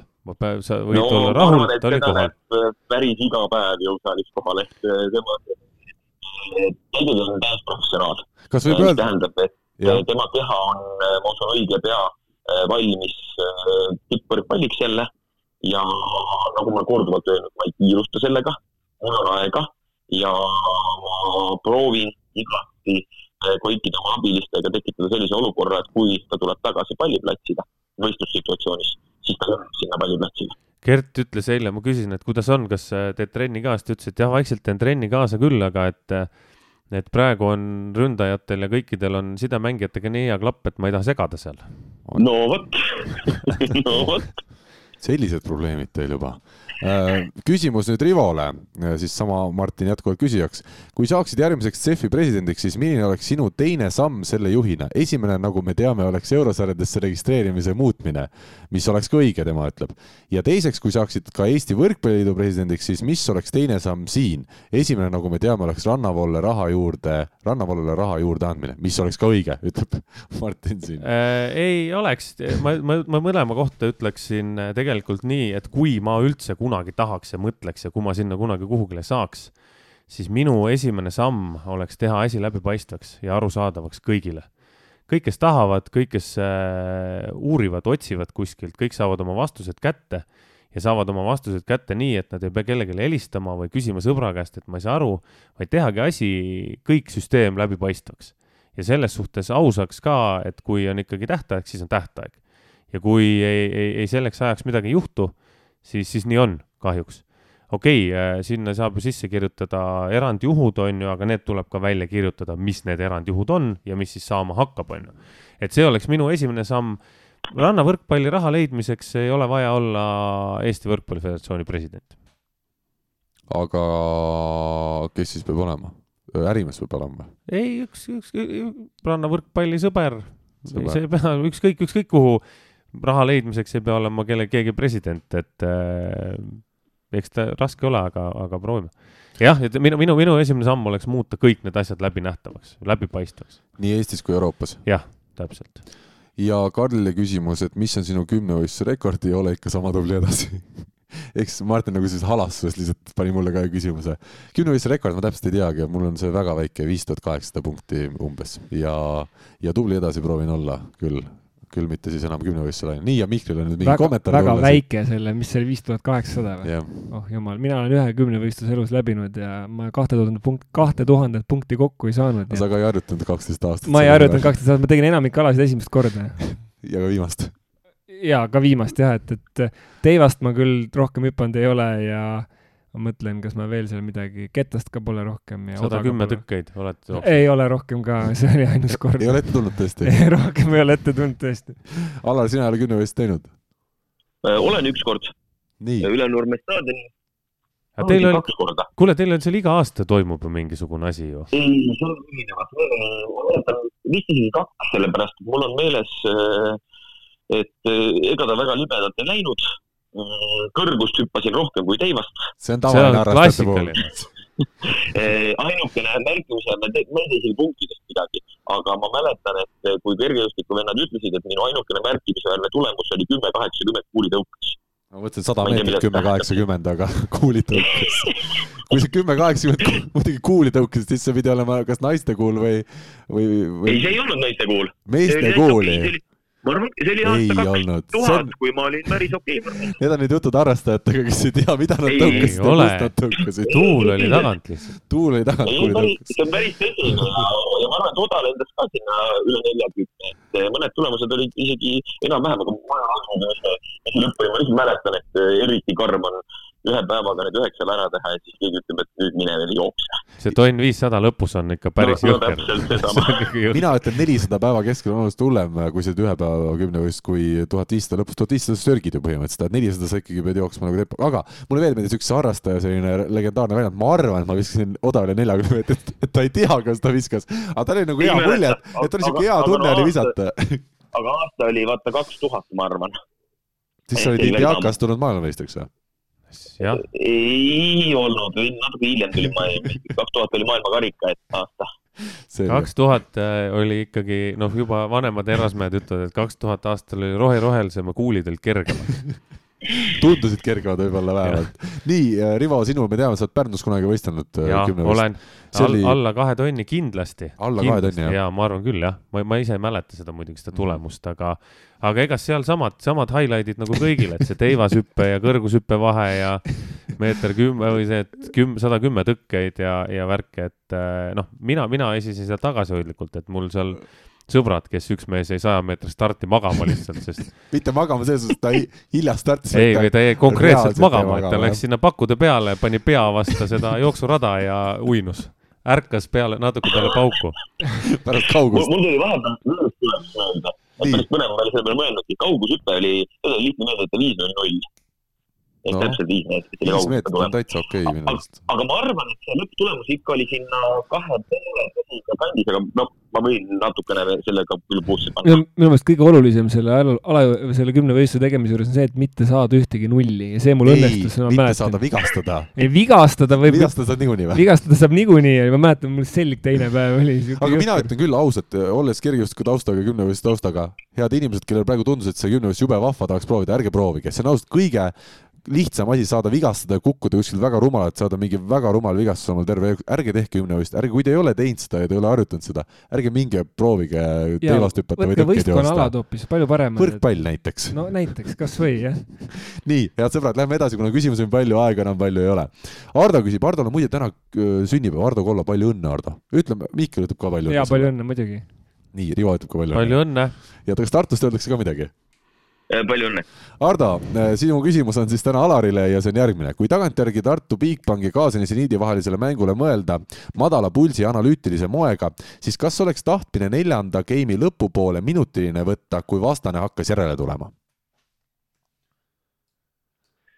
tuletame meelde, et olid, äh, kolmanda oli Tartu võitnud, eks ole, üks-kaks oli seis Nii. ja neljandast olite ees kakskümmend kaks, üheksateist jah, aga ma pean mängu, ma ei mäleta niimoodi hoobilt öelda, aga väga vähe tõenäoline, et ma seal minutilist kasutamata jätsin üldse.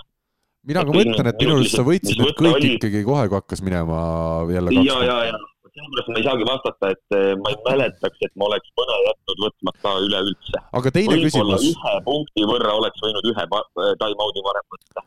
aga ma mäletan, et kui see oli õigesti meeles Surmaševski serviseerija, eh, võtsin time-out'i, pärast seda tuli kohe äss otsa. jah, ja teisisõnu ta siis jätkab siin, kuidas oleks võinud teoreetiliselt Tartu mängu lõppu siiski enda kasuks keerata ja punkti koju tuua sellest mängust? kas sul on mingeid selliseid taktikalisi või asju, mida sa mõtled, oleks võinud teistmoodi teha? tol hetkel ei olnud, tol hetkel ei olnud sellist head hooba, aga sa püsid selles mängus, see on nii võrdne, see on punkt punktis, seal on mingisugust õnnestumist vaja. seal on ühte servi vaja, mis äh, kukub piiri peale või, või kätest välja löödud palli.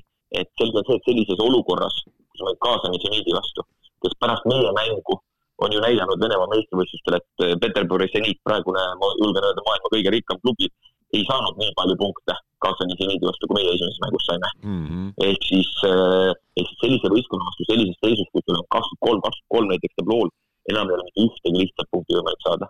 siis nad võitlevad ja mängivadki oma parima keskendumisega ja ei olnud mul nagu eh, vaadates vahetusmeeste pingile mingisugust head ideed, eh, noh, ära ütlemata keeruline, ma ei näinud, et seal midagi nagu tegemata jäi ja time-out'i osas jah, ma pean seda üle vaatama, aga ma us, olen üsna veendunud, et mitte ühtegi time-out'i ei jäänud ka võtmata. oli peale selle Surmatševski teist servi, oli time-out?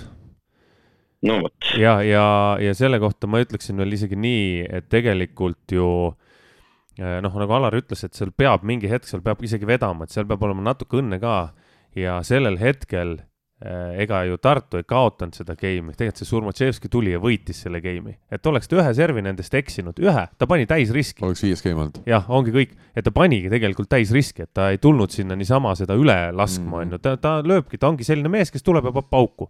Ta ükskord paneb hästi, teinekord eksib, on ju aga läheme edasi, Tarmo Kajandi, kes on muide siis ju Alar Rikbergi otsene eelkäija, kakskümmend aastat tagasi umbes, kas isegi Tartu võistkonna tüüris Eesti meistriks Ösel Foodsi peatreener, ma arvan, oli jah, midagi siukest.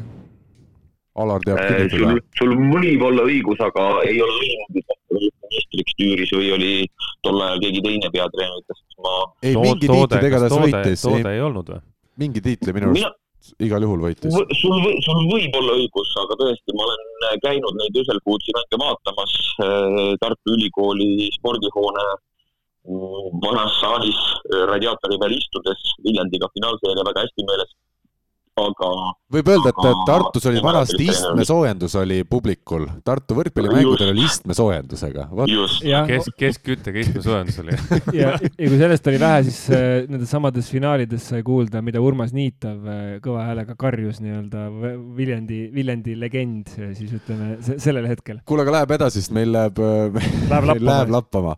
Tarmo Kajandi küsib siis Mihkli käest, milline on Jalgpalliliidu strateegia kehalise võimete arendamise ja mõõtmise osas, milline on testide valik ja läbiviimise süsteem, kuidas motiveeritakse mängijaid ja treenereid kehalist võimalik, võimekust arendama, selline küsimus. Hästi spetsiifiline küsimus, ma ei oska talle nii spetsiifiliselt vastata. eile küll viibisin ühes ruumis meie füüsilise ettevalmistuse treeneriga, kes siis äh, tellis äh, just Lihtsalt. Äh, meile jõusaali tehnikat ja hästi Aa. spetsiifilist jõusaali tehnikat just, mida on, mida on tarvis siis selleks, et et, ähm, et äh, nii-öelda jalgpallilist äh, sellist füüsilist võimekust arendada. aga ma saan seda öelda, meil on tööl äh, täiskohaga kaks kehalise ettevalmistuse treenerit. see on siis Jalgpalliliidus? jalgpalliliidus igapäevaselt tööl, Raiko Kokmann ja Karel Kübar, kes siis on ka noortekoondiste juures tegevad. Lisaks meestekoondise juures on meil veel eraldi füüsilise ettevalmistuse eest vastutav treener Maicel Müller, kes on siis Šveitsist Šveitsi olümpia ettevalmistuse kogemusega ja töötanud siis tipprattatiimide juures ja, ja ka sprinteritega, ehk siis tema poolt on sealt know-how. ehk siis meil on tegelikult iga koondise juures lisaks, lisaks siis nagu tavatreeningutele ja ütleme seal videoanalüütikule ja kõigele sellele on ka füüsilise ettevalmistuse treener, kes siis annab nõu, seal on kindlad testid, mida nad läbivad. Noh, loomulikult need pulsivööd või need, kuidas neid nimetatakse, on, on kõigil peal ja, ja noh, ma nii spordispetsiifiliselt ei oska öelda, aga, aga on inimesed, kes, kes seda nagu analüüsivad ja, ja teevad siis sellest lähtuvalt ka otsuseid, ehk siis ütleme niimoodi hästi piltlikult öeldes, et kui mängus on selline tavapärane raport sellest, kus mängijad viibisid, mis hetkel, kust pealelöögid tehti, milline statistika oli, siis eraldi on ka juures nagu fitness raport selle. ma tean, et võrkpallikoondisel on meil samamoodi ju mingeid asju seal koondises mõõdab vähemalt treeningute ajal, Alar. jaa, ikka mm,. koondises on läbi erinevate aastate erinevaid asju, ma võin praegu öelda, mis äh, tavaline on, on VERP, mis siis mõõdab hüppeid ja see on meil ka Bigbank Tartus kasutusel igapäevaselt. kuidas see on teil, see on vöö või? see on vöö, see on vöö, mis ümber, mis mõõdab hüpete arvu, äh, mõõdab kõikide hüpete kõrgused, arvutab välja keskmised, kõrgete keskmised ja muu. Oliver Lüütsepa selline spetsialiteet, ta on selle süsteemi ilusti selgeks õppinud ja selle alusel me äh, sätime oma koormusi, vaatame, kus juurde panna, kus maha võtta. teine asi, mida me nüüd vähe ja üksikutel oleme kasutanud, sest pole põhjust, on äh, Polarid mis siis äh, on pulsimõõtjad koondises on nad olnud pidevalt kasutusel. Äh, sõltuvalt erinevatest treeningutest äh, samamoodi näitab ära igal ajahetkel siis südamelöökide kohta selle informatsiooni, et see on sellised kaks põhi, noh pluss siis mingid detailsed asjad, näiteks on, kohe ma ütlen selle seadme nime, akselomeeter, üks selline pisikene vidin, mis pannakse jõusaalis pargi peale, mis mõõdab kangi liikumiskiiruse vastavalt äh, kangil olevale kilode arvule annab siis ka jõu, vatid, erinevad sellised andmed, ehk siis mõõdik, mida me kasutame igapäevaselt jõusaali treeningutel. selge, mul tuli meelde siin äh, Saaremaa võrkpalliklubis, kui ma paar aastat tagasi käisin äh, siis proovi kolmpäeval või nelipäeval, palju ma seal olin, siis meil oli isegi ujumises oli äh, oli küljes mingisugune aparaat, mis õp-, kõigil seda pulssi mõõtis ja. see, et ära ei upuks. see ma tahtsingi öelda, et ma vaatasin, seal oli noh, see ekraan oli, kus sa nägid oma otsa lõpetamise kiirendusi seal, otsa lõpetamisel nägid palju kellelgi mängijatest ja noh, minul siis ka oli see pulss tol hetkel ma vaatasin, et no nüüd on Harri Palmar ilmselt uppunud. et no nii madal pulss, tuli välja, et tal ongi, tal on ülihea see, tal ei lähe kõrge üles pulss ja kui sa vaatad ka inimesena teda, hästi kaame, rahulik, selline eestlaslik hästi kaame ei, aga selles hästi hästi-hästi tore inimene igal juhul. et ma ütlen, et see oli lihtsalt, ta, ta oligi nii, treener ütles, et normaalne, aa, see on, yeah, Harry is doing well. aga ma küsin, Mihkel, sinu käest, kas on juhtunud, vaata, sa ütlesid, et teil on need andurid peal, et näitab ära, kus mängija on, on ju kas on juhtunud vahepeal niimoodi ka, et treener vaatab nagu seda mängu ajal, vaatab seda mingit asja, vaatab, et Mikko, Ženjov on üle või selle Kristiine Oliirises praegu. kurat, mis toimub?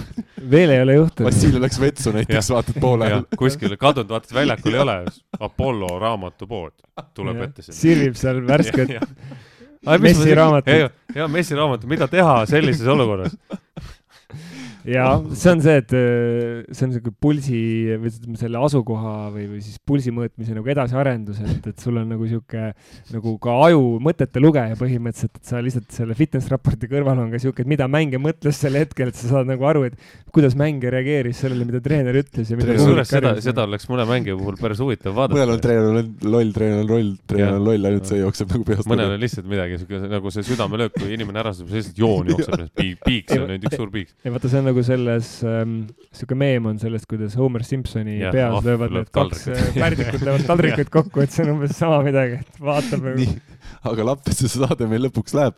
me täna rohkem ei jõua ilmselt kui ühe või kaks küsimust veel.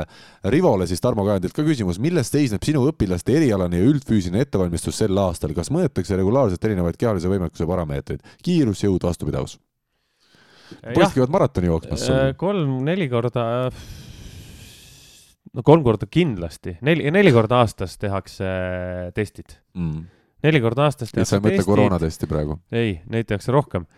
Äh, neli korda aastas tehakse testid äh, olümpiakomitee poolt ja kaks korda teeme meie puhtalt liiva peal mingid jooksud, värgid, särgid, vaatad, hüpped, äh, sest nad vaata erinevad on ju.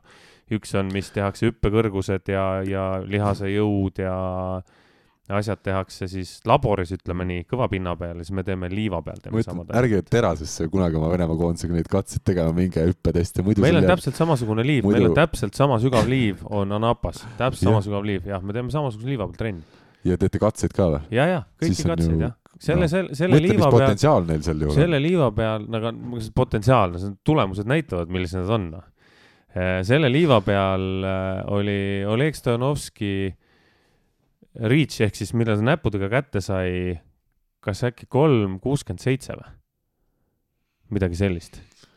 mida, midagi sellist. rünnaku kõrgus siis nii-öelda, jah? jah, noh, ta päris rünnaku kõrgus ei ole selles suhtes, et ikkagi pall on madalamal, on ju, aga, aga jah, et äh, äh, teeme, teeme ja, ja väga-väga professionaalselt, et mina, mina sinna füüsilisse ettevalmistusse, ma olen kursis sellega ja kui vaja, siis me ka korrigeerime ja vaatame, on ju aga me üldiselt ei sekku, et me paneme paika selle, mis on äh, koormus jõusaalis mingitel hetkedel ja kuidas see koormus siis kandub üle pallitrennidesse, noh, hooaja alguses on see jõusaali koormus suurem, hooaeg jõuab lähemale, siis äh, läheb ta järjest väiksemaks, läheb see koormus pallitrennidesse üle, on ju, siis mingi hetk on ta enam-vähem võrdne.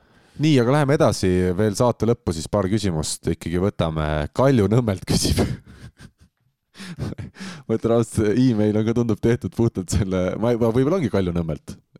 Pagan seda teab, mina tean, Nõmmel on üks Kalju, kes mängib jalgpalli, aga Mihkel ka rohkem ei tea vist öelda siin ei no selles mõttes, et mis me nüüd mõnitame inimest. ei no Kalju. Kalju. noh, Kalju küsib. Kalju küsib nii, aga ta ise pannud Kalju Nõmmelt.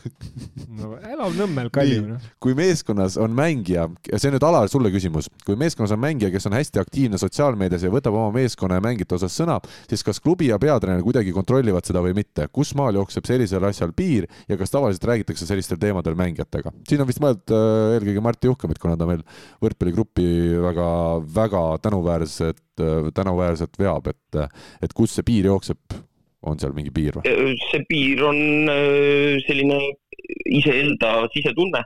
ma pean silmas seda mängijat, kes potentsiaalselt sotsiaalmeedias aktiivne on ja ka sisetunne siis klubi esindajad või treener või muu ja kui mm, on näha, et millestki on nagu mindud üle piiri või oleks midagi valesti, siis tuleb sellele reageerida.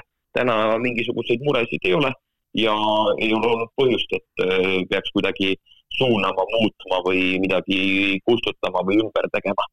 et äh, igati loomulik, kui ükskõik milline mängija läheks äh, sellises avalikus sotsiaalmeedias käitudes või oma sõnavõttudes, kas oma tööandja vastu või, või mõne teise mängija või klubi suhtes liiga isiklikuks või ründavaks, eks siis tuleb reageerida. aga ma arvan, et seni on see võrkpallis on olnud seal väikseid vaidlusi, tögamist, aga kõik on olnud veel maitsekuse piirides. selge ja tänane siis viimane küsimus Kalju Nõmmelt küsib, kas Rivo ja Hanno on ära jõudnud leppida? Siin läks päris tuliseks teil omavahel võrkpalligrupis, aga noh, seal neid teemasid oli nii palju, millest, mis seal lõpuks äh, kaeti, et äh, ma arvan, me sellel vist pikemalt ei jõua täna peatuda.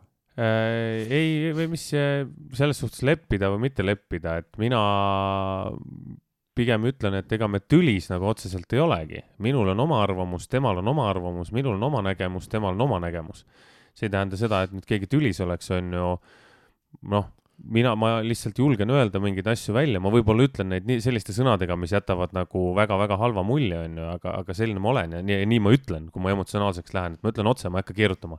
ma ei hakka mingit mulli tegema ja ma räägin nii, nagu on, võib-olla peaks filtreerima, võib-olla mitte. aga, aga ei noh, mis leppida, kaks täiskasvanut inimest ja, ja mõlemad ütlesid oma asju, mõlemad vastutavad oma sõnade eest, et ega siin mingit tüli ei ole. mm.. jutt käib siis võrkpalligrupist Facebookis, kui keegi nüüd mõtleb, millest me täpsemalt räägime. aga kokkuvõttes mina arvan ka, et see, ükskõik kummal on seal õigus, see nagu aitab ka võrkpallirahvale seletada mingeid asju ja mulle tundub, et ta kokkuvõttes võiks puhastada õhku, et alati on parem öelda minu arust välja asjad, kui jätta need enda sisse-sisse, kõik koguneb ja, ja läheb, läheb halvaks. üks asi on puhastada õhku ja teine, teine pool on ju tegelikult see, et, et eks Hanno ja mina, me ju päeva lõpuks ajame ühte asja, et me jõuame ühte punkti kokku, et me tahame, et võrkpallil läheks hästi. ja ongi, et üks, üks aja, näeb nagu ühtemoodi mingeid asju, teine näeb teistmoodi mingeid asju. ja, ja nii on, noh, see on, see on igal pool nii, et ei, ei saa olla ju, kui kõik oleks eh, kõigiga nõus kogu aeg, siis ma arvan, et manduks ära või siis peaks nagu ülihästi tegema, et alati ju keegi vaidleb ja, ja keegi on vastu, keegi on poolt. vaata selle arutelu juures ka seal, noh, võttes selle võrkpalliklubi arutelu mitte nüüd äh, mitte nüüd seda, mida otseselt küsiti, aga seal laiemalt, et noh, et ega ei ole ju niimoodi, et kui Rivo tõstatab seal küsimuse, et see on nii-öelda jabur äh, olukord, et äh, TalTech nüüd äh, mängib eurosarja Saaremaa asemel, et kui ta selle küsimuse tõstab, et see ei ole ju nagu noh, seda ei saa võtta, ma ei tea, TalTechi vastasena, seda ei saa võtta TalTechi mängijate vastasena, see on noh, jutt käib süsteemi arutelust ja seda peabki niimoodi võtma, aga jah, samas teiselt poolt vaadates loogiline, kui inimene on selle, sellega ise emotsionaalselt seotud, näiteks mõni mängija, siis ta küsib kohe, et oot-oot-oot, kas sa oled kuidagi minu vastu. aga no ongi see, et küsimus ei ole selles, et Jaa, kui, kui kuskil käib arutelu või ka kuskil on noh, mõnikord on vaata mõni fakt, mida me toome siin välja, ka siin saates ütlemegi, et teate, see läks halvasti, see võiks teistmoodi olla, see ei ole ka, et saatejuht oli kellegi vastu, see on natuke sama, et ma ei tea, kui kohtunik vilistab ära, et mängija on võrgus, et noh, siis küsimus oli selles, et mängija läks võrku, mitte see, et kohtunik vilistas midagi ära. Mm. lihtsalt kohtunik fikseeris selle olukorra, mida ta pidi tegema, aga jama hakkas sellest, et mängija puudutas äh, valel hetkel käega võrku, et, et seda peab ka nagu samamoodi vaatama, et see arutelu kvaliteet ei tohi nagu kuskile kaduma minna nii, kuna meil on saateaeg tõesti nüüd juba viimse piirini täis, siis äh, ma küsin teilt lõpuks ühe küsimuse. Lugesin mina eile Ärilehte ja seal siis tuli välja, et Kohtla-Järve Viru spordikeskus on soetanud äh, muuhulgas siis uued garderoobinagid. Ja kui palju läks maksma, siis see on riigi raha, mis sinna kulutati, palju läks garderoobinagide komplekt maksma äh, Eesti riigile, et saada seal spordihoones? see katus, katusraha on ju? Ei olnud, ei olnud, ei olnud ma, ma isegi vist läksin. no nagide komplekt, kui sa lähed Rivo, lähed ostad omale nagid koju. palju nagisid oli kokku? no oli ilmselt oli suur riietusruum, mitu riietusruumi, nii. mina, ma sain aru, et ühe nagi hind oli kas nelisada kaheksakümmend eurot või nelisada üheksakümmend kaheksa või üheksakümmend viis eurot. no palju kokku läks, palju nüüd pidi maksma siis Eesti äh, ma, maksumaksja selle eest, et saaks uued nagid kokku? Üks spordihoone Ida-Virumaal ma pakun, ma pakun seitsekümmend kuus tuhat kaheksasada nelikümmend kaks pluss, pluss kõmm. okei okay,, no nii, Mihkel, kas sul on adekvaatsemaid hinnanguid uh,? no see küsimus on nii püstitatud, et see peab olema mingi ulmeline nii. number. ma lihtsalt ütlen, et kohvikulett läks maksma kaheksa tuhat üheksasada ja kohvimasin kaheksa tuhat. no siis mingi kakskümmend viis tuhat pluss käive, ütleme. nii, ja mis ütleb Alar? No ma panen siis veel kolmkümmend, paneme natukene Miklile ka juurde. ja Alar Rikberg teab neid asju, kolmkümmend seitse tuhat kakssada kolmkümmend eurot läks siis maksma see, et saaks Viru spordikeskus Kohtla-Järvel toredad nagid ja aga selle juht. ei, no aga ta seletas, et. ei, nad tegid ju kaks, nad tegid siis kaks duširuumi vähem ma mõtlesin täpselt õige numbri, aga ma arvestasin, et see oli nagu kaks Nad hoidsid kokku aa, ja, ja. ja ma tahtsin ka öelda, et tegelikult hoiti kokku kõvasti siin, aga ma selle mõtlen, et mis selle raha eest näiteks Tartu Bigbank saaks teha, saaks suurt käia, midagi. saaks, ei no võib-olla pingid riietusruumi äh,, ühte. selle eest saaks kõik oma eurosarja reisid ilmselt kaetud selle raha eest umbes mina arvan, et äh, nagid on praegu tähtsam küsimus. Alar, oled sa nõus minuga, et kui on ikkagi spordihoone ja tahad, ta ütles ka, sport ütles väga lihtsalt, nagu meil oli vaja lihtsalt moodsat spordihoone varustust. mina, mina unustasin kunagi noorteklassis võrkpallis oma uhi uue Nike'i nokamütsi ühte nagisse rippuma, kui ma tagasi tulin eh, umbes tund aega hiljem, siis ta seal veel polnud, mul on siiamaani meeles, see, see nagi oli väga kallis. Ida-Virumaal on vastupidi, seal garderoobis see sinu nokamüts on alles ilmselt, aga nagi see nagi on läinud. Nike'i müts pannakse ilusti tooli peale, aga nagi on ära saetud seina küljes. Alar, teil on Tartus odavamad nagid, ma olen kuulnud, kahjuks. ma loodan küll, et eh, suuname ikka spordiraha spordi tegemisse ja nagide asemel eh, mängime palli head sõbrad, selle sõnumiga täna lõpetame, aitäh teile kõigile, oli meeldiv, kohtume taas loodetavasti juba nädala pärast. suur tänu. nägemini. Eesti kõige põnevamad podcastid on Delfis, kuula tasku.delfi.ee